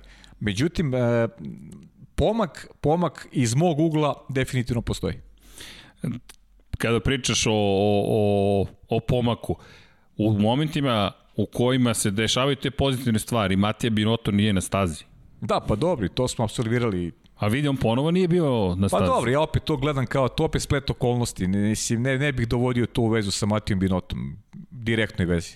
Prosto sećaš se kakva je trka bila. Mislim, to nije... Vidi, ja sam tu uvek pomalo... Možemo da, da pričamo sad, znaš, da li... To je kao to, to je priča ona na nivou taličan je, znaš, ovo je taličan ili ovo je nije, to je prosto... Ne, da, nije, nije mi čak ni to priča. Ja više gledam ka tome da li je zapravo to negde pokazatelj da neko kako funkcioniš u stvari životu. Hamilton nije bio u svom bolidu, George Russell je taj koji je seo taj bolid. Matija Binotto nije na stazi, Ko je preuzeo ulogu glavnog? To je ono što mene sada zanima. Ko je tamo sedeo i rekao, čekajte, ja ću sad da upravljam ovom trkom? Pa znaš kako ja, znaš šta je misli? Da, da je Feta pobedio u toj trci, a da je Binotto bio na stazi. Pa opet i dalje bih pričao da Binotto treba da ide. E, to, to ne sporim, nešto drugo hoću da kažem. Ko je taj ko je radio posao koji se događa u Abu Dhabiju? Jer ako je taj neko radio, Da sam ja izvršni direktor koji dolazi, ja bih rekao, čekaj, ko je vodio ovu ekipu u momentu kada nije Binoto bio na stazi? A time se ti kandiduješ da kažeš slučajno, e vidi, ja sam to radio, ali nisi ti radio protiv Binota, samo si sebe kandidovao. Upravo, čini mi se, John Elkan to i radi, sad dolazi doći novi izvršni direktor, a rekao bih nakon novog izvršnog direktora da je sledeći korak, sledeći level je dolazak novog šefa ekipe. Da, inače izvršni direktor celog Ferrarija. Celog Ferrarija. Mi ne pričamo o Tako samo je. ekipi Formula 1. To je, je vrlo, vrlo visoka pozicija. Jest, jest. Prestižna pozicija u svetu posla. Ne samo u automobilskom je. svetu. Tako Ti kada uđeš i kaže ovo izvršni direktor Ferrarija, to je dosta ozbiljna pozicija. Ali Ferrari u Formuli 1 Zna se kakav Zna, je brend. A dobro, to je Formula 1 i to smo više puta i napomenuli, izjednačava se u velikoj meri sa Ferrari. Pa, mislim... Sa razlogom. Zašto Mercedes i pokušava sve ovo što pokušava i postiže sve što postiže i želi sve što pa, želi. to utiče i na, i na prodaju turističkih automobila. Tako je, i na prestiž koji ti nosiš sa sobom. To je ona stara krilatica u Naskaru. Pobedi u nedelju, prodaju u ponedeljak. Stara dobra, još tamo iz 60-ih godina, 70-ih, da. Neće prodati bukvalno taj automobil, ali kada ne vi taj, kažete mi smo je. šampioni, Ford je pop šampion, To ipak nešto prodaja. znači. Tako je da, naravno da znači. u svakom slučaju Ferrari, eto, nekako smo došli do, do Ferrarija. Ne, možete da, ne može da se ne dođe do Ferrarija. Ferrari je taj koji, Da, je, koji čini Formulu 1 Formulu neizbježna 1. tema, neizbježna tema. Ali kada pričaš o Ferrariju, iskoristio bih priliku da napomenem još par stvari. U, u ono što je meni neverovatno bilo, hajde možemo da popričamo i i pre svega možda treba da popričamo o tom pevanju Sebastijana Fetela na kraju. Da, da, bravo, rekao si, da, za I pevanje. vidi, to je meni bilo fenomenalno. On je čovjek spremio celu pesmu, celu pesmu je pripremio da se oprosti od svoje ekipe. I to možda zvuči banalno, ali kao što smo pričali o tome da jedan Mercedes kaže, ej čekaj, mi ćemo sada da potpišemo sve ljude u našoj fabrici na bo, sve koji su u tom momentu, ne možeš baš sve da ih popišeš, ali na, najvažniji ljudi, oni koji stalno rade na bolidu, tako Sebastian Vettel kaže, čekaj, ovo je pesma za sve i za navijače Ferrarija i za ljude sa kojima sam radio direktno i indirektno i za sve sa kojima sam proveo vreme. Jedan od, neko je lepo prokomentarisao, odlazi najveći navijač Ferrarija. Sebastian Vettel je možda mnogo toga učinio pogrešnog. U, u, u, u, ne mogu mnogo. U ključnim momentima napravio neke greške. Pa znam, mislim, Ali- stvarno nije to mnogo. Nije mnogo. Dovoljno da ne bude šampion. Da. Ali on je najveći navijač Ferrarija. On je, kad pogledaš, on je italijanski učio, on se trudio, on je pokušavao sve i svašta. Pa dobro, Nije radio je u, u suštini pokušavaju u tom segmentu da bude Mihael Schumacher. Pošto je i Schumacher naučio italijanski, imao je Jest. dobru konekciju sa tifozima, imao je i bolju, s obzirom da je bio šampion, pa samim tim je konekcija bila bolja, ali ali su navijači Ferrarija zavoleli Fetela. Mislim, navijači Ferrarija vole po defaultu svakog vozača koji vozi za Ferrari, to nema dileme i, i neko je to, to je ta ljubav uzajamna koja se e, vo, vozač je vraća na taj način što nauči jezik, nauči, nauči himnu italijansku i tako dalje i tako dalje. To je nešto što smo imali kroz istoriju. Na taj način je tu ljubav vratio i, i Sebastian Vettel i kažem ti, e, sada kada, kada gledamo rezultate Vettelove, biti treći vozač u istoriji Ferrarija po rezultatima, pa to je ozbiljno dostignuće. Ozbiljno dostignuće. Nije mala stvar. I uvek ćeš biti deo Ferrari. Uvek. I pamtit ćeš, verujem, one, onu prvu sezonu, kada su rekli tri pobede, šta je be- beše bilo? Goće, valjda, da slično Hristijanu Horneru, nešto je rekao da će da učini ukoliko dođe do tri pobede, došli su do tri pobede. Jesu, da. Došli su do tri pobede. Jesu. I to su momenti koji se pamte. Na njihovu žalost, naredne godine više, već nije bilo pobeda i to se na kraju bila priča Ferrari i Sebastiana Vettela. Pobede, loša sezona. Pobede, loša sezona. On je najveća žrtva tog raskola u Ferrariju i odlaska Serđe Markione, on je najveća žrtva cele priče. I sam je rekao u nedavnom intervju da je 2018. godina i e, presudila kad i govorimo o njegovoj budućnosti u italijanskom timu. Pa Potpisujem. To smo, je da, više puta napomenuli. Jesmo, da. Ta Da godina. Ba, pamtit će se ta godina, prosto će se pamtiti ta godina. Međutim, bilo je, i, i kada je reč o oproštaju, ne samo ta pesma, meni je fascinantno bilo, mi imamo malo kult kaciga, kada pričamo o kacigama, inače skupljamo hashtagove, malo duže traje nego što smo očekivali za, za Rosija i Lorenca, vratili smo se u prošlost, pa skupljamo sve one koji su učestvovali u Tom Pablo mi je zahvalan na, na, na tome što smo počeli to da radimo. Skupljamo od pre par godina sve informacije o tome ko je zapravo bio u akciji da kada je reč o poklanjanju Lorencove i Rosijeve kacige nismo zaboravili, prikupljamo informacije, traje malo duže nego što smo očekivali, dosta je bilo hashtagova i ja se nadam da ćemo sutra, preko sutra najkasnije imati informacije, dakle nećemo zaboraviti ko je tada prošao u drugo, treće kolo, poklanjamo kacige, vreme je da Ok, se pa oprostimo dobro, Lorencovi i Rosijeve kacige, tako da svi oni koji su već učestvovali u toj akciji da poklonimo kacige, će nastaviti da učestvuju, ja se nadam da su voljni, ne izvinjavamo se na, na, na kašnjenju, rekli smo kao britanska pošta, potrefio nas i GDPR i advokati su zaustavili stvari, rekli morate sad da obrišete sve te podatke, a sad mi ne pišemo nigde podatke, mi sad samo gledamo javno ko je stavio hashtagove i onda ćemo da pozovemo ljude da se nastavi ta akcija i posle par nedelja skupit ćemo dakle, finaliste i dovesti ih u studio na kviz Dakle, ko bolje poznaje Rosija, ko bolje poznaje Lorenca, njemu ide kaciga. Da ne bude samo popularnost ko je skupio više lajkova. Ok, da. Da. skupio si lajkove ili skupila si lajkove, a sada da vidimo šta znaš o tvom omiljenom vozaču. Ja mislim da je to ok. Pošteno. Pa ok, i to ćemo da imamo, napravit ćemo taster, pa ko brže odgovori, da bude spreman sa znanjem, to je to, je to. kad krenu da lupaju po stolu, a Vanja kaže ne po stolu. Kviskoteka. Kviskoteka! U, moramo zajedno ovde da sedimo nekako. A ne ćemo smisli. Neku akciju. Dakle, imamo kult kaciga i fenomenalno, pogledaj ovu kacigu, molim te. Vanja je brži od misli. Dakle, gledamo kacigu koja je prelepa. Za one koji slušaju, srebrna kaciga sa brojem 5 Sebastijana Fetela, oproštajna od ekipe Ferrarija predivna kaciga. Inače, Sebastian Vettel je imao, to mi je žao što nismo ispromovisali, ali na svom, ovo je inače druga kaciga. Ovo nije kaciga Sebastiana Vettela, na njoj piše Danke Seb.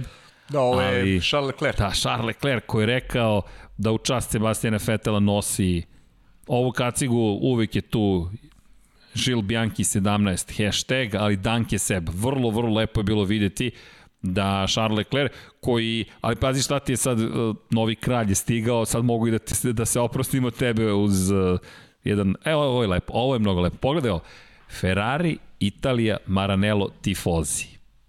Da, da, sjajno. Hm. Znaš šta je samo problem, ali? Ostio se na oči. Graci, evo pročitaću ti.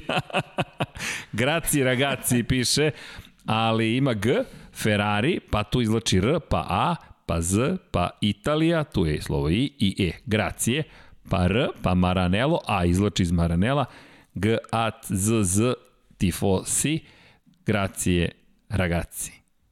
Sjajno. Sjajno, baš sjajno i ostavili smo nekako uslovno rečeno za kraj, ali baš je lepa poruka. Pa ne, za kraj se ima nešto pustio vanje, ne znači da će da nam pusti. Šta si pustio? Ne može da se... Ne. A, dobro. Nema veze rezolucije. Vanja, ovo je... Sto... Vidi, važne su emocije. To je ono što sam ti rekao s početka. Važne su emocije. Ona, ona mala šala na naš račun.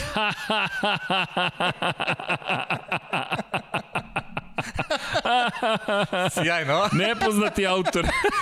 Nepoznati autor, ali tako su nas doživjeli. E, za slušalce, dakle, SK voditelji su predstavljeni ulozi mladića. Hvala im za ovo, imamo kosu. Ti imaš kosu još uvek, ali, ali da, nema da. sedih vlasi, Malo. kojih se osvrću, iako za ruku drže devojku, osvrću se za drugom devojkom u crvenoj majici koja je potpisana kao Perez. Perez. A ostali F vozači su devojka. da, da. Na šta ću ti reći? Zasluženo. A? Pa zasluženo, Eka, pa. zasluženo. Valjda Serhio je ne, ne, bio ne, najlepša devojka u pustinji pre o, sedam dana. Okretali smo se za najlepše devojke. Serhio je odvezao trku života. Jeste. Jeste. I ja sam mno, mnogo srećan. I da, Vanja, Vanja, šta ti perfekcionizam? Ali Vanja, mi smo, mi smo A, starija je, ekipa. Jeste. Sjajni, sjajni. Kad Loša rezolucija. Da ne, ali kad naučiš da je savršenstvo najveći neprijatelj dobrog. To jest veoma dobrog. To je lep moment. Uradiš 98% stvari i onda zbog onih 2% sve rasturiš. Ne, ljudi uživajmo u životu, to je pojenta pa da. cele priče i treba da se Malo veselimo. Malo se našlimo, pa da. Pa da. Da pokažemo kako nas, kako nas drugi nekad vidi. Da smo bili inspiracija i da za pošaljemo Serhiju, kažemo, Serhiju, da. zbog tebe smo optuženi da varamo ostale vozače. jeste, jeste. Pa dobro, vidit ćemo čije će sledeće biti pa trka. Pa dobro, da, tako je. ali, Zakićemo se Ali jeste skup emocije fenomenalno. Kad pogledam, sezona se završila, I sad šta izdvojiti? No, radit ćemo mi pregled cele sezone. Da, Pazi, da to ćemo, Dek, pa, ja smo iz 8 sati to uradili sa MotoGP-em. A samo ti kažem. Da, samo, samo mi reci, ne, ne, molim ne, ne, ne, možemo, sledećih vikend, sledeće nedelje, to biće meni mnogo bolje. I onda krenemo pa polako. Sad mi završava Liga šampiona do petka, tako da... Taman. Znaš, jer ovo je baš onako napor, naporan je, ovo, ovo nedelja je baš naporan. Ove, sledeća, sledeća napravimo je... late night with Ma, Pajče može, i Srle. Može, može. I ja, krenemo. Može, bez problema, može, bez problema. Neki odmahuju glavom ovde, odbijaju saradnju. može, može. Da li, e, imali smo Meksikance u studiju, to je meni fenomenalno i dalje i to, to je možda, možda je zato što je najsveže uspomena, ali mnogo uspomena imamo iz ove godine i Jest. naravno naj, onih teških, ali činjenice da, da nam je Formula 1 dala šest neverovatnih Znaš kako, ićemo od trke do trke, a znaš šta, šta još nisam video? Šta? I to bi mogli za kraj da izbrojimo, ti i ja. Da. Ajde da dođemo do brojke, konačne brojke, koliko smo trka uradili ti i ja od kako, od kako sam počeli Od kako da smo komentarišemo. Da. počeli da komentarišemo. I znaš da mi, da mi prođe kroz glavu, ali bukvalno na dnevnom nivou i nikako da sednem. Četvrta trka u sezoni 2011. 11. Jeste, to je bila velika nagrada Turske. Velika nagrada bilo ih je 19. Tada. 19 ih Dakle, je bilo... 16 smo uradili te godine. 16 smo radili te godine. Hoćeš sada? Ajde. 16 smo uradili te godine. Opa, ovo je challenge. Uh, challenge Baš me accepted. zanima brojka, zaista. 16 smo imali 2011. 2012. 20 trka. Pablo, piši. Čekaj, možemo... 36. 16 plus 20, makar toliko 36, možemo. da, toliko možemo, 36. Na sad smo na 36. 36 plus 19. To je 55. 55. Ok, nismo loši. Evo, stigurno smo do Carlosa Sainca. 55, pa 19, go, još sledeće, 74. Pazi, već smo na 74, tek je 70 2014. Dakle, 74, pa 19 trka 2015. 93. 93. Ok. 2016. godine 21, 114. 114. Ok. 2017. 20 trka, 134. Zatim 21, 155. 2019. 21, 176. I ove godine 17 trka, dakle 193. 193. O, čekaj, koja će nam biti 200 trka? Tako je. 200 trka, velika nagrada Azerbejdžana, ukoliko se održi trka 25. aprila. Dakle, Ne, znao sam da treba neka okrugla brojka da bude u, u skorije vreme. pazi provokaciju koju šalje Dom Pablo. A koliko ti nisi radio zbog MotoGP trka? Klizeći, je to zbog late night? E, počinjemo u 1 ujutro sledeći put. Da. U jedan ujutro. Šalu na stranu, ali... Da, koliko nisam radio? Pa jeste važno, ne znam. Samo- pa, pa ja slavi 200 to trku. Samo ti kažem, uh, Činjenica. Kimi je vozio 330, ja sam vozio 193. Ne, ti ćeš, da, ti ćeš 200, dok on bude došao do 337, ti ćeš imati 200. 200. Wow. Respekt. Ja ne znam, ako mi oduzmemo jedno 20, Ali vidiš, i, Na 170 i imam, otprilike. imam šanse da oborim uh, Perezov rekord. ima... e da, Pošto čekaj. sam prošao 190 trkom, Šta ti mogu je da pobjeda, pobedim. čekaj, šta ti U 200 to i kad budeš radio 200 tu, onda ćemo, dobro. Eto. Dobro, sada znamo. Dobro, 193, ok. 193. 10 sezona, nepunih. Dobro, nije loše. Nije loše. Nije, čekaj, 200, mora torta da padne. Mo nešto, pa Mora, mora torta da padne. Jao, torta! Da, nešto sam se setio. Dobro. Dobro. A, Vanja me gleda čudno. Zašto, sam, za, zašto sam spomenuo tortu? Pa smo mi to došli do kraja. Nismo još došli do kraja. Q&A čuveni, pitanja i odgovori. Ajde, ajde da, ajde da Pitanja i odgovori. Ajde da prođemo. I čekaj, da, da ne smo nešto propustili. Malo smo izmešali segmente, gde smo, šta smo i kako smo radili. Samo da ne, da, da ne, da ne zaboravimo nekoga da spomenemo, a sigurno smo nekoga zaboravili da spomenemo. Hamilton, Bottas, Verstappen, Perez, Ricardo, Sainz, Albon, Leclerc, Leclerova trka, 13. pozicija, čisto da napomenemo, loš kraj sezone, posle nekoliko odličnih rezultata, od velike nagrade Toskane, stalno je svajao poene, bio u par navrata nadomak plasmana pobjedničko postolje, s početka godine imao jedno drugo, jedno treće mesto, ali baš na kraju loša trka. Rekli smo za Gaslija, uskoči među vodećih 10, Lance Stroll. Ej, čekaj, moramo Lance Strolla da se dotaknemo. Tragičar, bukvalno da. tragičar Abu Dhabija. Ima dosta pobednika, ali ako postoji jedna loša priča, to je Lance Stroll. Bez obzira na primetbe na gume, ne možeš da dozvoliš sebi da budeš deseti u momentu kad tvoj tim toliko zavisi od tebe. Bukvalno kada toliko zavisi od tebe. Čak i da ne uspeš, moraš da pokažeš više. Slažem se, pa da, pa to je stara priča, rekli smo. Nema, nema tu konstantnost, to je ono što mu nedostaje i nije više on neko ko, ko je Novajlija u ovom šampionatu. Sada već nije. Mi imamo neke njegove impozantne rezultate. Tri podijuma koji ima u karijeri, što, što nije malo kada imamo obzir njegove godine. Četvrta sezona. Ali kontinuitet koji ima u ovom sportu, e, tim za koji vozi, a to je dobar tim, mislim da mora više. Pazi, on je bio šampion Formule 3 na evropskom nivou. Mora više. Evropske Formule 3.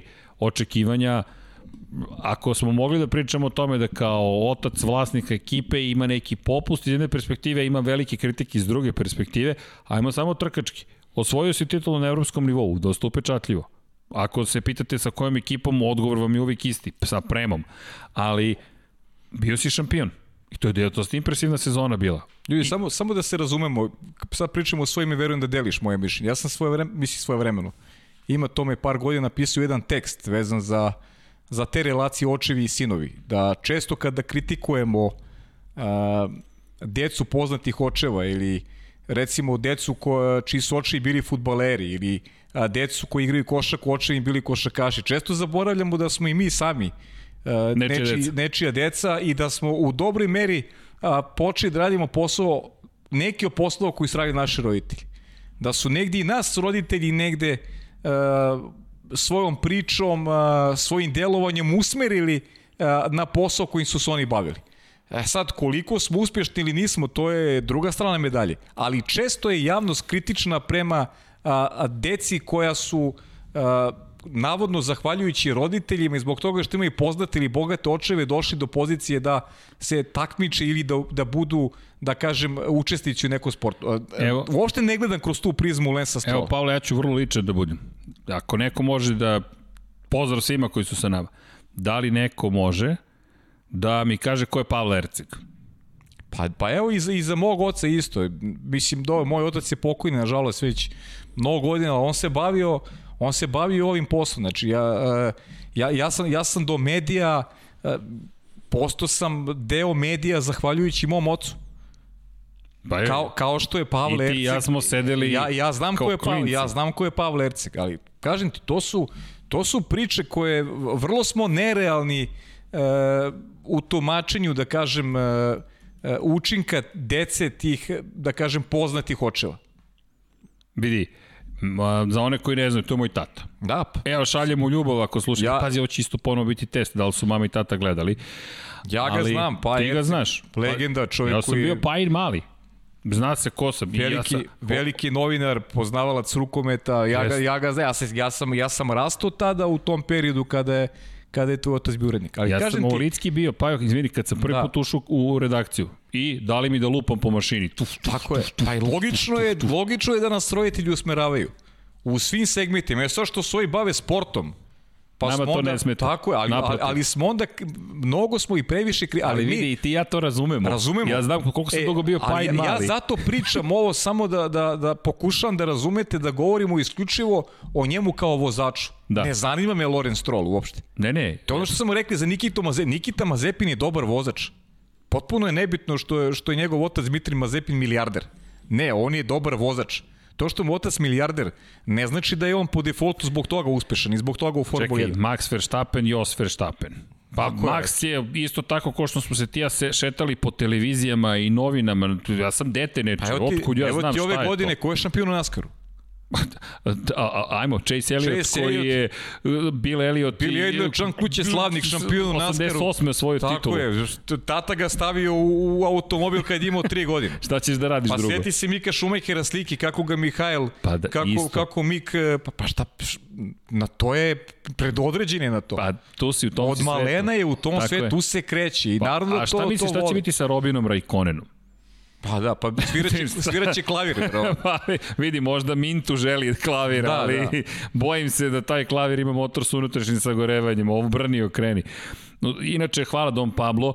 Pre pet minuta Roman Grožan je tweetovao da je sve prošlo kako treba. I za zahvalan je svima na podršci koju dobija. Pa evo, jedan s naše strane, dakle, retvit za, za Romana Grožana i veliki pozdrav ime cijele ekipe. U svakom slučaju, šta je pojenta priče? I mi smo tako negde odrasli i nešto smo radili kao klinci i nismo ni znali da će to biti posao.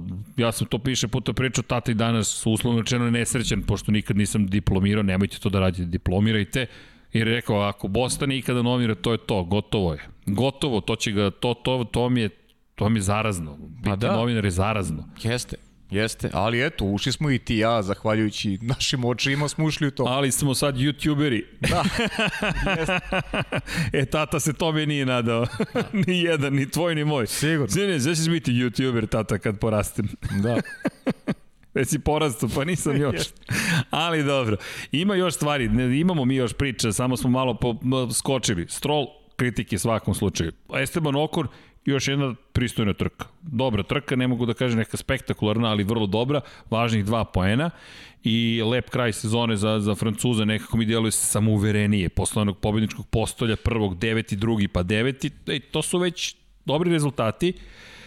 Što se tiče Kvijata na 11. poziciji, prošli smo onoga koga bih istakao posebno, koga bih zaista istakao posebno, jeste George Russell. George Russell koji je rekao, povratak u Williams je bio teži, i da se naviknem da uspravljam sada Williamsom posle Mercedesa nego da iz Williamsa uđemo u Mercedes. Mislim da je to, mislim da je to univerzalna priča. Pa. Kako ti je bilo kada si otišao u najbrži bolid u istoriji Formule 1? Baš mi je bilo teško što onako, sam morao da sednem. Kako ti je pa bilo u hotelu sa sedam zvezdica? Pa si morao da se vratiš u hotel sa tri zvezdice. Pa, dosta teško. dosta teško, mogu ti reći. dosta teška situacija. Teška Jeste. priča. Čovjek se na luksuz lako navikne. Ovako. Instant. Da. Pa Instant. George Russell imao za trenutak luksuz. Da, bukvalno da, imao luksuz. Pa jeste, to je luksuz, luksuz, voziti taj Mercedes, da. I onda se vratiš nazad u Manje luksuzno za, vozilo. Za, za, malo, manje, za malo da kažem. Manje luksuzno vozilo. manje ipak je to Williams, ali opet da. je manje luksuzan. I da, želimo brzo poravak Franku Williamsa. A George Russell, kakva razlika sedam dana? Zvezda si, boriš se za pol poziciju, drama, svi gledaju tebe, hoćeš li biti ti sledeći šampion Formule 1, da li ćeš dobiti ugovor u Mercedesu, koji su ti dometi, da li si ti pokazao da svako može da pobeđe u bolidu Luisa Hamiltona ili si ti na nivou Luisa Hamiltona?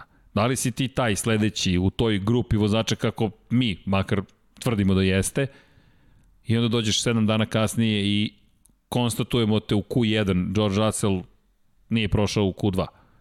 I u trci konstatujemo George Russell nije osvojio poene, 15. pozicija, ostavio mu 3 poena iz prethodne trke kada je bio 9 i vozio najbrži krug trke. I taj najbrži krug trke koliko god jeste ostvaren u specifičnim okolnostima opet nešto govori. George Russell svakako treba, treba biti spomenut, a neko mi je tweetovo, čak smo dobili i odgovor kada se poslednji put desilo da vozač ekipe ima poene, ali da ekipa nema bodove. Mislim da se desilo početkom 80. godina prošlog veka, što jeste specifična situacija. Da. George Russell ima 3 poena, Williams i dalje nema ni jedan jedini yes, poen. Yes. Inače, Latifi 17. završio trku, Latifi nije imao taj luksus da vozi Mercedes pa da možda on ima neki poen. da, ne, ne, nije imao taj luksus. Ni. Ništa slično tom luksusu. Ništa slično, Možda da. McLaren da dobije, tu ima vezu. Da. Tu ima vezu. Jack Aitken nije vozio ovoga puta. Pa dobro, mislim da. Daj, Prosto, da, ne samo da napomenemo, i Pietro Fittipaldi. A to ćemo, to je za onu, to je već za onu analizu. Ne samo da kažemo smo, da. Abu Dhabi šta nam je doneo Pietro Fittipaldi, nažalost, druga trka u pa, karijeri pa, i oprošta od Formula 1. Jeste, i da vjerojatno ga više nećemo ni videti u Formula 1.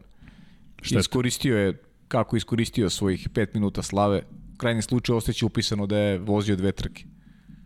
Pa i to je neki I to je neko dostignuće. I to je neki uspeh. Kaže, Vanja mi uporno piše da smo na već na dva i po sata. Da, da, pa dobro, ja sam to hteo da ti kažem da, isto. Znam. Da, da smo... Ali hajmo da iskoristimo, evo... Ajde, neka pitanja, da iskoristimo. Da, ajde. Tomislav pita, naša utrka sezone. Aha, naša utrka sezone. Uf. Perez, Perez. Perez. Da, pa dobro, pe, mislim, pa Šalim se, jeste bila, pa vidi, ako imamo onaj kadar. da vrtim, vrtim film, bilo je dobrih trka, znaš, bilo je A, dobrih trka. Koja ti je onako u sećanju, dobro, sad je teško da ne zapamtiti Pereza na keca posle Pa pazi, Mugello, Mugello mi je bio dobar i interesantan. Ove nove staze su mi... Imola mi je bila dobra. Da, Imola je nekako koliko godina bilo malo pred nešto, ima posebno valjda u tim trkama. A znaš šta, meni Monc, dalje... Monc. Monca ti. Monc. Monca. Monca, Monca, Pierre Gasly, pobjeda Pierre Gasly. Monca. Monca. Dobro. Ja moram da ti priznam da ni, ne, nije, ne znam. Meni je Turska Bila je dobra, da. Impresivno. Nisam je komentarisao, nažalost, ali to mi je, evo, dobacujem mi ovde. Da, da, razumeo sam poruku bez brige. Da, bila je dobra, jeste. Ali znaš šta, Turska mi je nekako ostala... E, bravo, bila je dobra. Ja sam, ja sam Turska, uh, znaš kako znam da je bila dobra? Ozdo, ja sam zavr, u znoju sam završio. Stvarno. to je fenomenalno. Baš je bilo, daš, baš sam imao, imao sam, nešto sam, nešto sam propustio, recimo, toga se baš sećam, da su mi ljudi sugerisali, znaš, ono, gledaš vremena, ne, nekad je nekad je solo nekad je solo raditi zaista Ima mnogo ekrana. To da. se ne vidi iza kulisa, ali ljudi, mi imamo jedan ekran gde vidimo isto što vidite i vi. Ali, ali neke trke nije problem, neke trke ovako, mislim, znaš, ono, ali ta trka nema, bila nema, kompleksna. Bila je kompleksna. Tako, to je bila kompleksna trka. Pravo si, bila je, zaboravio sam. Ali Možda... meni je, meni je ta Turska ostala, koliko god je ovo era Luisa Hamiltona u kontekstu toga da praktično svaka trka je Lewis Hamilton kada da. pričamo o naslovu ili kada pričamo o glavnoj temi jeste pobednik. To je Hamilton. Pa na, na, zbog, Ali... čega, na zbog čega mi je ova Monca? Jer iskreno ti kažem, meni pobjeda uh, Serhija Pereza nije iznenađenje toliko.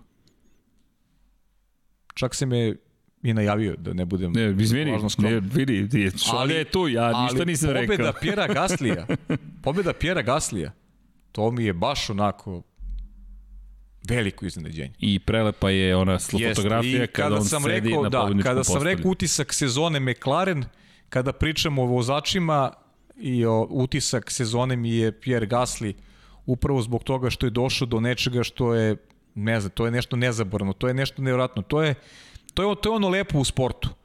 Kad, kad je, znaš, e, sport nije, nije dobar kad je predvidiv, znaš, to je, to je ono, a formula je često poslije godina bila predvidiva. Trke su nam često predvidive.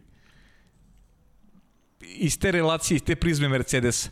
A ovde smo dobili nešto što je potpuno bilo šokantno za, za sve one koji, pa čak i one koji ne prate pomno zbivanje u Formula 1. Pobedio Pierre Gasly. Pa zamisli kako je to, kako je to odjeknulo nekome ko voli, nije imao priliku da gleda trku i onda pročita vez da je pobedio Pierre Gasly. Šta je ono, šta je asocijacija? I što ovo nisam gledao? Kako sam ovo propustio? Kako je pobedio Pierre Gasly? Moram ovo da vidim, znaš. E, e, iz te neke emocije mi je, mi je to najjači utisak. Da, to je, to je, to je, to baš si lepo rekao. Kako je pobedio Pierre Gasly? Zašto je pobedio Pierre Gasly? Ko je Pierre Gasly? Pa da. To su ta pitanja. Mi smo imali nešto slično u MotoGP-u, čovek koji dugo nije pratio, kaže, ko su ovi ljudi? Ko je taj Mir? Ko je sad ovaj Quartararo? Zašto oni vode u šampionatu sveta? Gde je Marquez? Gde je Rossi? Srđine, to, to su pitanja. Veruj mi da sam ja na, na nivou da pitam ko je taj Mir. Stvarno. Odjednom neki svetski šampion mir. Moram da ti priznam znači, jednu, ne. jednu veliku sramotu.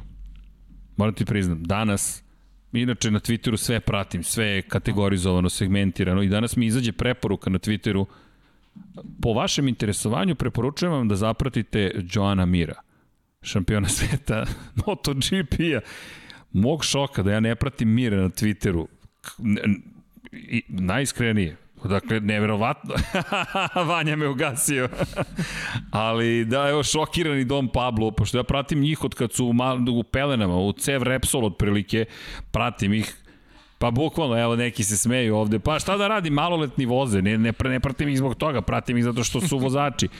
I pratiš ih, pratiš ih, pratiš ih i onda shvatiš da Mir koji godinama vozi, kog, za koga tipuješ da će biti šampion i za koga govoriš u prvoj godini da je ozbiljan vozač, shvatiš da ga ne pratiš na Twitteru. Twitter ti kaže preporuka za vas. Da, pa eto. Možda govori mnogo toga. Pa da, pa. Ali da, to mi se, sviđa mi se kako si to zapravo postavio. Ti kada pogledaš, imaš trku u kojoj moraš da kažeš šta se ovde desilo. To se desilo, nažalost, sa Romanom Grožanom. Mnogo ljudi je reklo, čekaj, šta se to desilo u Formuli 1? Sećam se da, da smo se mi dopisivali zapravo i sa direktorom televizije u tom trenutku. Ide, Chelsea je igrao sa nekim, ja da, da, neku utakmicu. Neka utakmica da, to, sam šta je bilo. I to ne mala, neki, neka ozbiljna utakmica da, u Premier Ligi. Derbi, bio, derbi da. bio. Znam, e, to isto bio za mene jedan od utisaka, ali ne godini iz perspektive Formule 1. Koliko su se gledaoci Formule 1 suočili sa besom ljubitelja futbala i zašto tamo neki koji se vrte u krug su dobili vreme u etru na sport klubu. Obično smo mi ti koji ostanemo bez vremena u etru. Da, da. Ovoga puta su ostali ljubitelji futbala i šok, zašto se ovoliko ljute? To vam je emocija. Koliko mi volimo Formulu 1, MotoGP, NASCAR, toliko neko drugi voli košarku, futbal. Tako I sad, šta god da uradite, očekujte, pa očekujte ne, tu emocije. Mora se nađe neki balans, pa nekad se uspe, nekad ne, ali ali to ima jeste toliko događaja teško je. Ali divan si utisak izdvojio tu tu tu tu činjenicu. Meni je Turska ovako trkački ostala nekako u u u sećanju već sada baš zato što cijela ta priča o Hamiltonu, o, o činjenici da ga osporavaju, ponekad je i taj to ekstrem jedan ozbiljan, njegovo osporavanje, to odlazi sad u drugu krajnost, on ne zna da vozi, ne, ne, da, da. to, to nema nikakvog smisla da, da, da bilo ko kaže da Hamilton ne zna da vozi, nikakvog smisla A, nema, naravno. ili da svako može da sedne u njegov boli da pobedi, ne može svako, pogotovo ne svake godine u svakoj trci, u svakom treningu, to je vrlo teško postići. Po, ponoviti bilo šta pikadom, to stalno gađam, ljudi pikado je zahtevan jedna disciplina sportska, delo je tako uzmeš pa gađaš. Ne, ne, ne. Kamo li upravljati Formula 1? Pietro Fittipaldi, poslušajte Pietra Fittipaldija po završetku trke. On jedva diše. Ja, ja, ja, braća, da. da. Ne može da dođe do daha čovek. Ne može da dođe do daha, a to je klinac. A ovi ljudi voze decenijama i nema nikakvih problema. Završe i daju intervjue kao da su se prošetali kroz park. Tako da, pre svega poštovanje prema svima. Ali da, izabro si sjajnu trku, to mi dopada mi se. Eto, ja neću da menjam, ostaje ne, pre pa Turskoj, pa svako, kao tom trkačkom drugačije, utisku. Drugačije emocije, da. Emotivno, meni Sergio Perez ostaje. Okay. Jesi u pravu si i prognozirao si, ali mi samo ostaje ta ideja da je to čovek koji će ostati bez ugovora ove godine, da predstavlja Meksiko, da je spasao tu ekipu, da je pred sud odveo Vijaya Maliju da bi spasao ekipu i da je četvrti u šampionatu sveta ove godine i da za njega nema mesta u šampionatu sveta Formula 1. A, ali eto, to je, to je taj neki zaista neverovatni utisak za mene, da, da, da, mi, da mi možemo da imamo takav koncept uopšte da, da, da pričamo o tome. Ali okej. Okay. I to je deo, pretpostavljam, Formula 1. Dobro, čekaj da vidimo šta još imamo od pitanja. I ovo jedno dok smo odgovorili prošle 15 minuta. pa, dugo odgovaramo na pitanje. Da. Hoćemo da impresioniramo profesora. Profesora? Pa šalim se. Aha, da, da, da. Alonso Sainz prognoza ko će imati više bodova. A, Alonso Sainz. Ko će imati više bodova? Tako je, na kraju sezona. Da. Ja sam za Sainca, ti znaš da ja tipujem da će Sainz biti mnogo ozbiljan. Teško mi je da to, da to predvidim. Okon. Okon. Čekaj, čekaj, gde si sad Okon ubacio? Pa, pitan, Alonso, Alonso Sainz Okon. Alonso okay. Sainz ko će imati više bodova, ja kažem, Čuli ste ja kažem na Lab 76. Dakle, Okon da će imati više poena. Da. Ok, vidjet ćemo ta šolja Baba Vanga. Ali Ok, e, to sam... Znaš zbog čega sam rekao? Dobro. Jer ne, stvarno ne znam, nemam odgovor na pitanje, zaista. Baš, baš nemam, baš ne javlja mi se ništa. Dobro. Koje je najbolje preticanje koje smo videli ove godine? Ajde, ja nisam odgovorio, ali ja sam Sainz, ja po defaultu odgovaram Sainz. Ja sam ubeđen da će Sainz mnogi da izneradi. Ok, pa dobro. Najbolje preticanje? Da.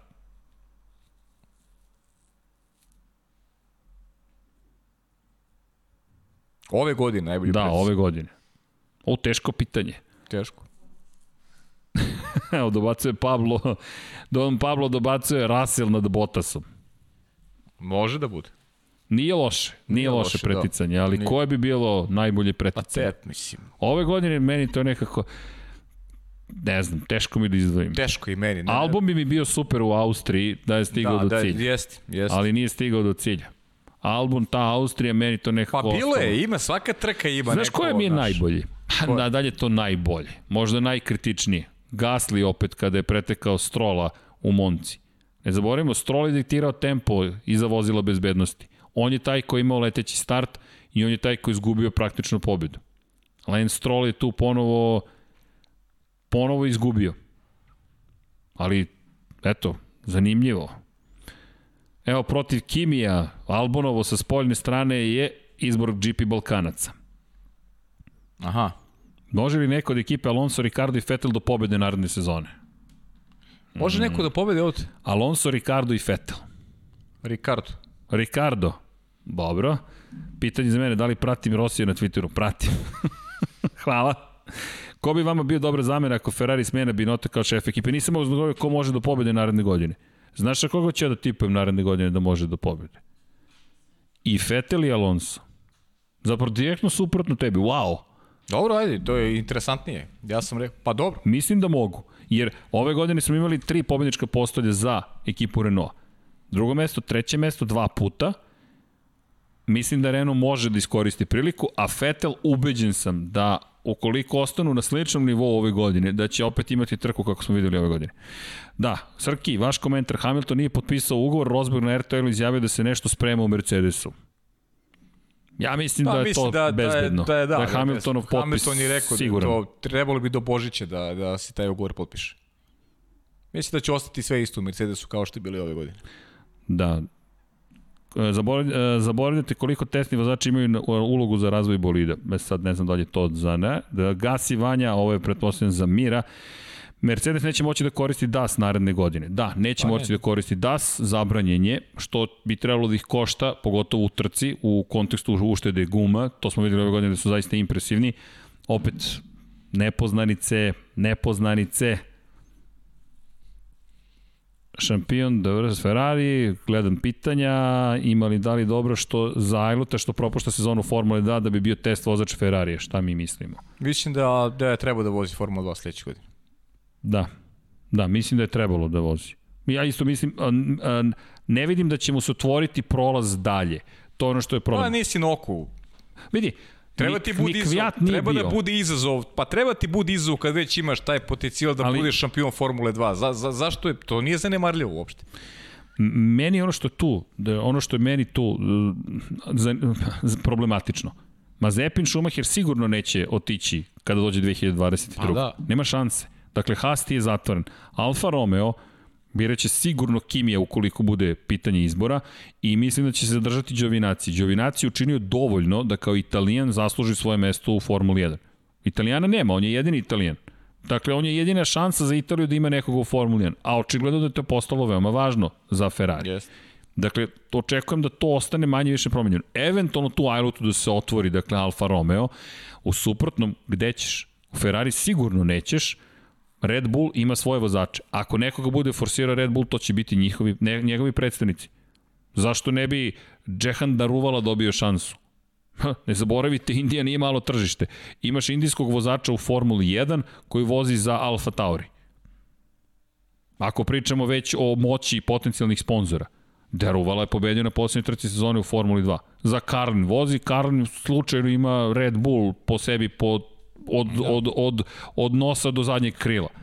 Veze su jasne, Yuki Tsunoda vozi za taj isti Carlin, sa Red Bullom dolazi najverovatnije u Formulu 1. Tako da mislim da je do, do, mislim, mi obojca delimo mišljenje da je Zajlota to, to, to problem.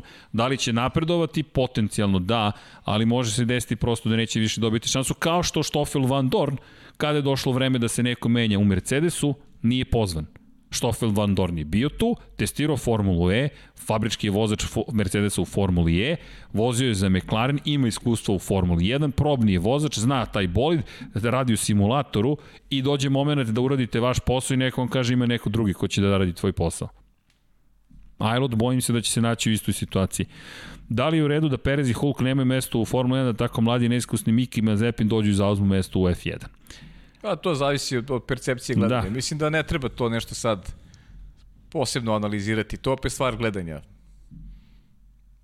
Pa znaš kako, mislim da je težak odgovor, gotovo nemoguće. Pa to ti kažem, to je ovako. stvar, gledaš iz, samo možda se gleda iz ličnog ako, ugla. Ako nema Mazepina, pitanje je da koliko novca dobijete. Ako nemate Mika Šumahera, kritike će doleteti sa svih strana. Dakle, Mik Schumacher je obezbedio formulu, titulu u Formuli 2. Ne može da ostane u Formuli pa, 2 negde mora da ode. Ako ga dovedu na poziciju probnog vozača, kritike su neminovne.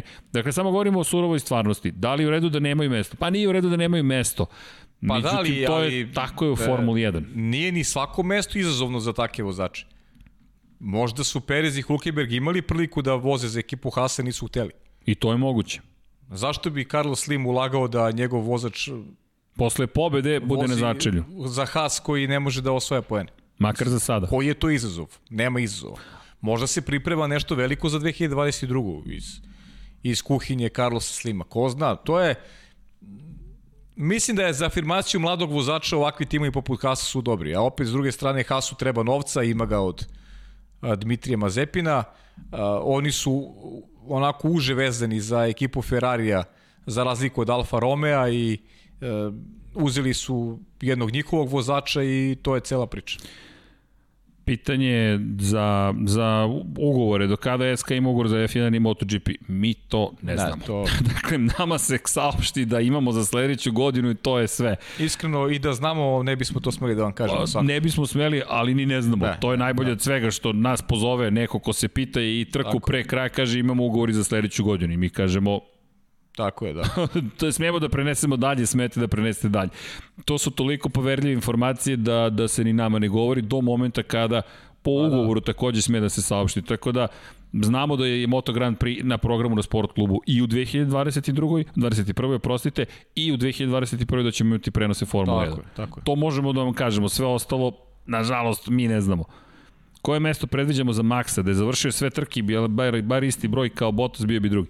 Pa bio bi drugi. A, Svi se sada bave, čak i Lewis Hamilton je rekao da će imati velikog rivala u Red Bullu naredne godine. Dakle, svi su ubeđeni da je Red Bull napravio jedan veliki iskorak. Međutim, ima tu par pitanja za ovu poslednju trku. Mercedes koji je odustao od razvoja bolida pred dva meseca faktički.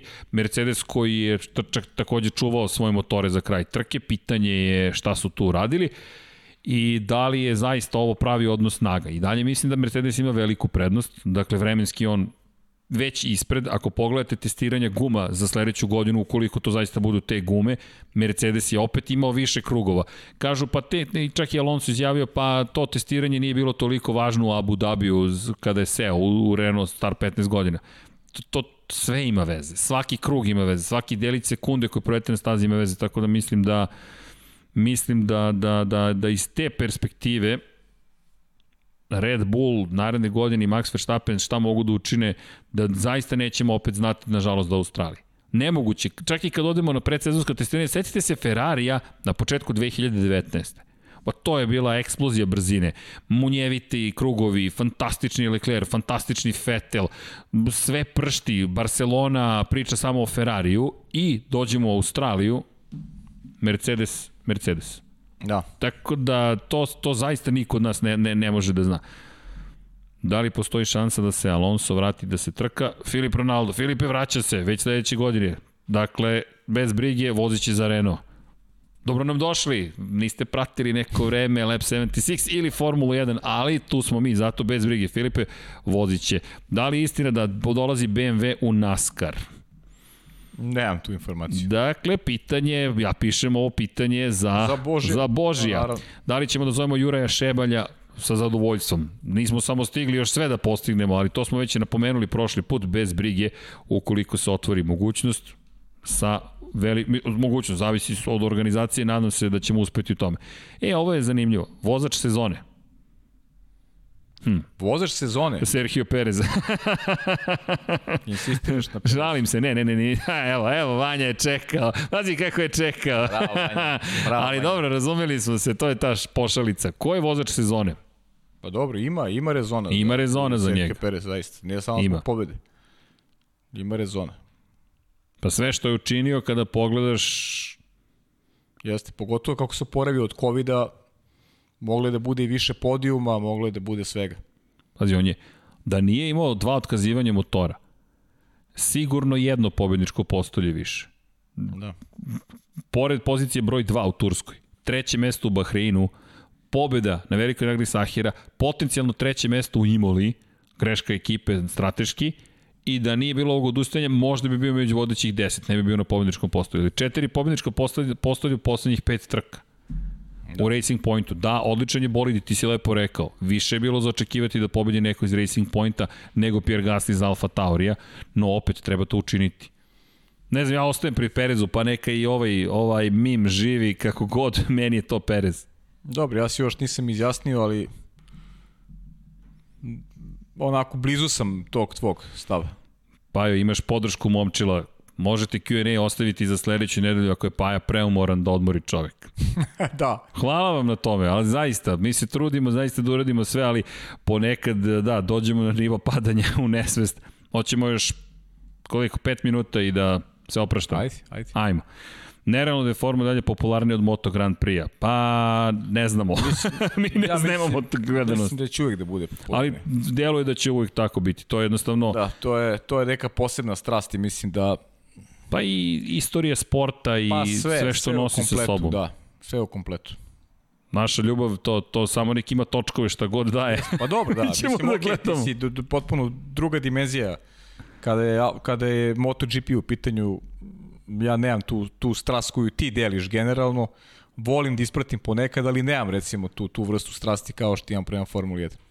Da, ti si baš, baš obožavalac Formule Ja 1. sam, da, meni je baš Formula 1 onako na, na prvo mesto, apsolutno na prvo mesto. Koliko novca dobijaju timovi na završetka na pozicijama u šampionatu konstruktora? Ne znam ovako na pamet, ali potrudit ću se da za sledeći nedelju pripremimo tačne informacije. Zasnovano je opet na osvojenim poenima, na pozicijama, vi za pobjede dobijete određenu količinu novca, tako da ćemo, i pogotovo po ugovoru za 2021. moram da proverim po onome novome što su potpisali koja je tačna podela, ali ćemo pripremiti. To je pitanje bilo GP Balkanaca. Apropo priče, a Edo 69, pozdrav za ovo apropo. Čim napišete da. apropo na vezu upadate. Priče o McLarenu što nisu fabrička ekipa, da li je prelazak na Mercedes u motoru stvari okretanje prema fabričkoj ekipi jer postoji mogućnost da se Mercedes povuče. Mercedes mislim da se neće u skorije vreme povući, menjam moj stav i moje mišljenje. Mišljenje sam bio da će se to desiti upravo što navodite, da će Mercedes se okrenuti Formuli E, i da će u tom okretanju Formuli E zapravo doći do toga da McLarenu prepusti na neki način svoj projekat u Formuli 1. Međutim, uz odustajanje, uz prevelik broj odustajanja od Formule Audi koji se povukao, Volkswagen koji je prekinuo sa takmičenjima generalno, pa dobijete informaciju da BMW odustaje. To su šokantne informacije.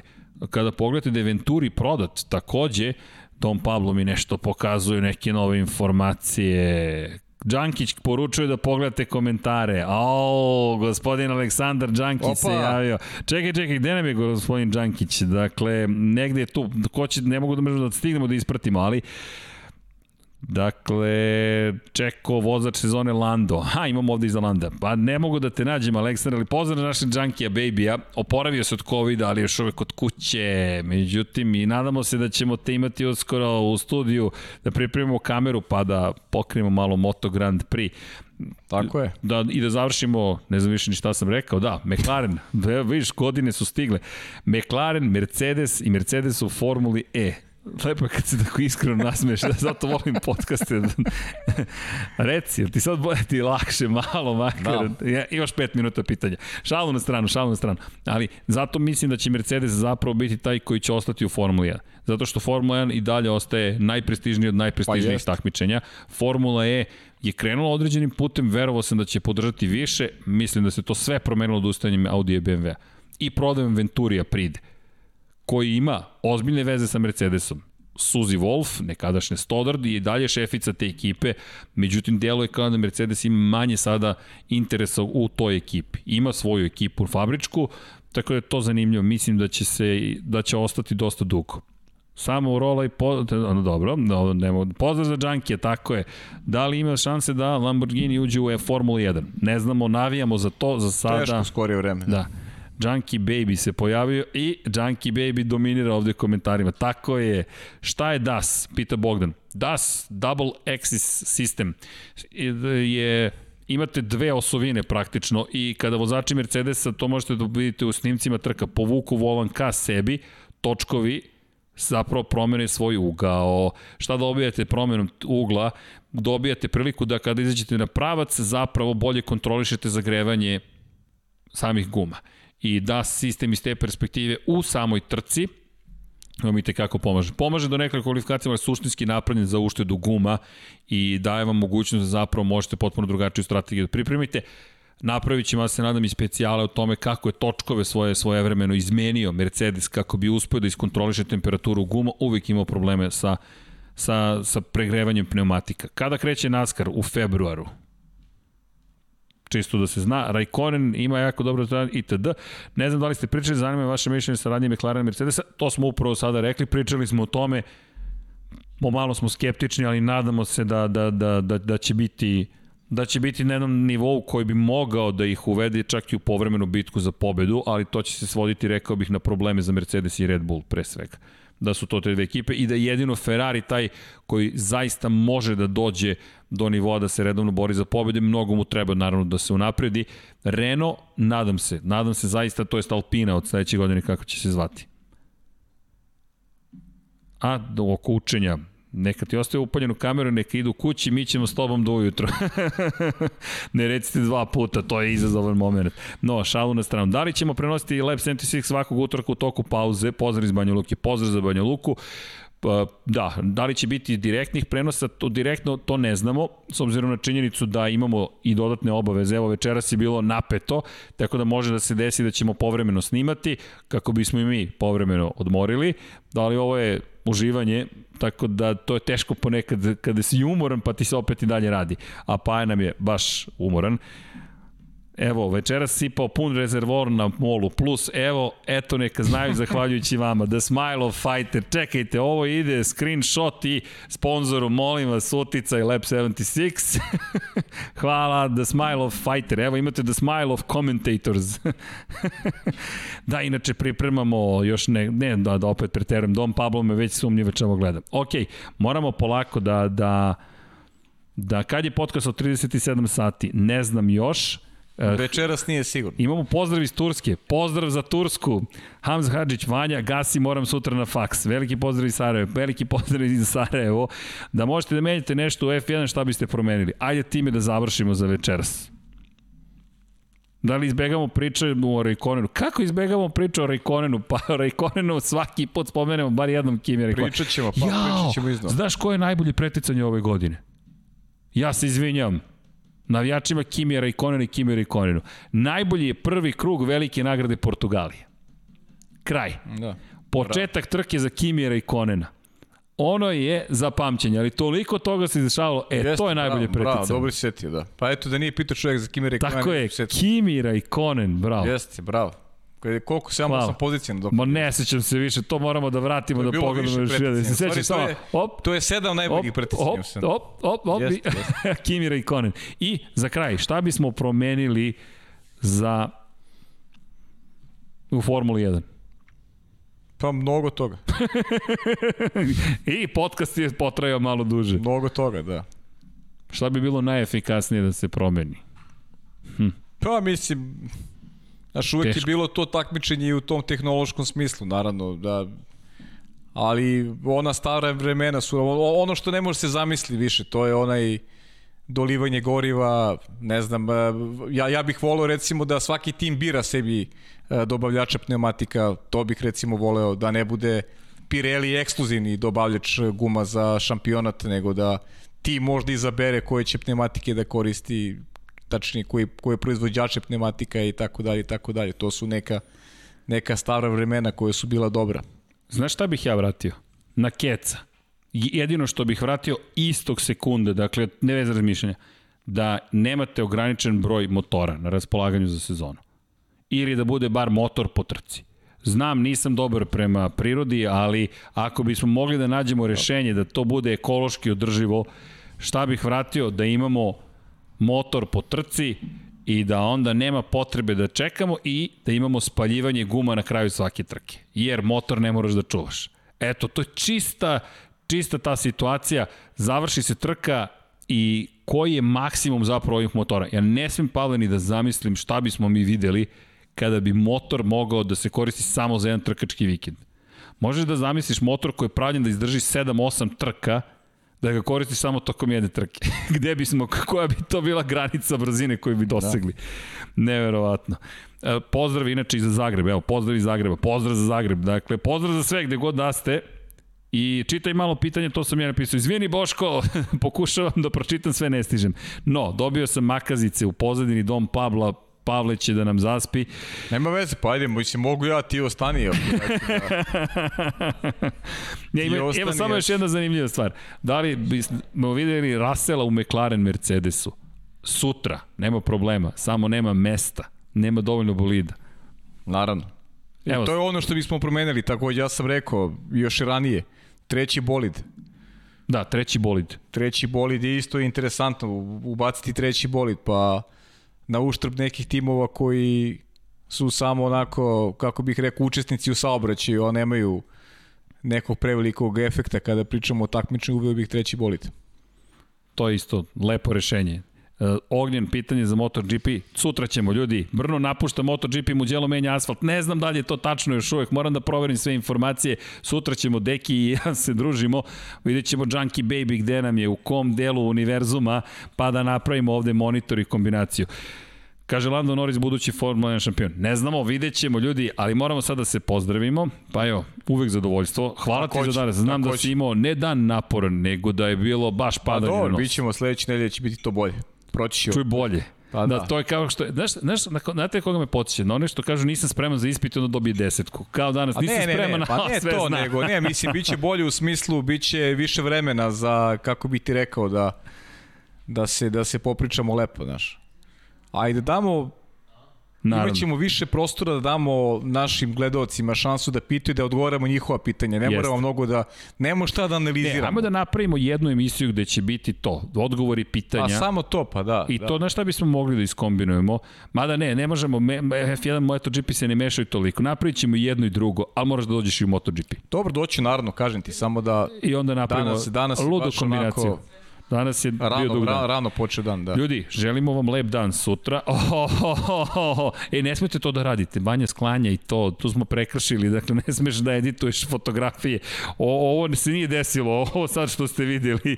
Dakle, dakle potpisali smo ugovor. To ne, ne, nema menjanja fotografija. Hvala, hvala ti na to. Možeš bez izmene da vratiš tu fotografiju legalno i možemo time da završimo, ali a, ništa niste videli malo pre ali pošto je u direktnom biće verovatno set set crno da. negde, samo vrati se u fotografiju celu i Mislim da je ovo savršen kadar za kraj. Lab 76 broj 56.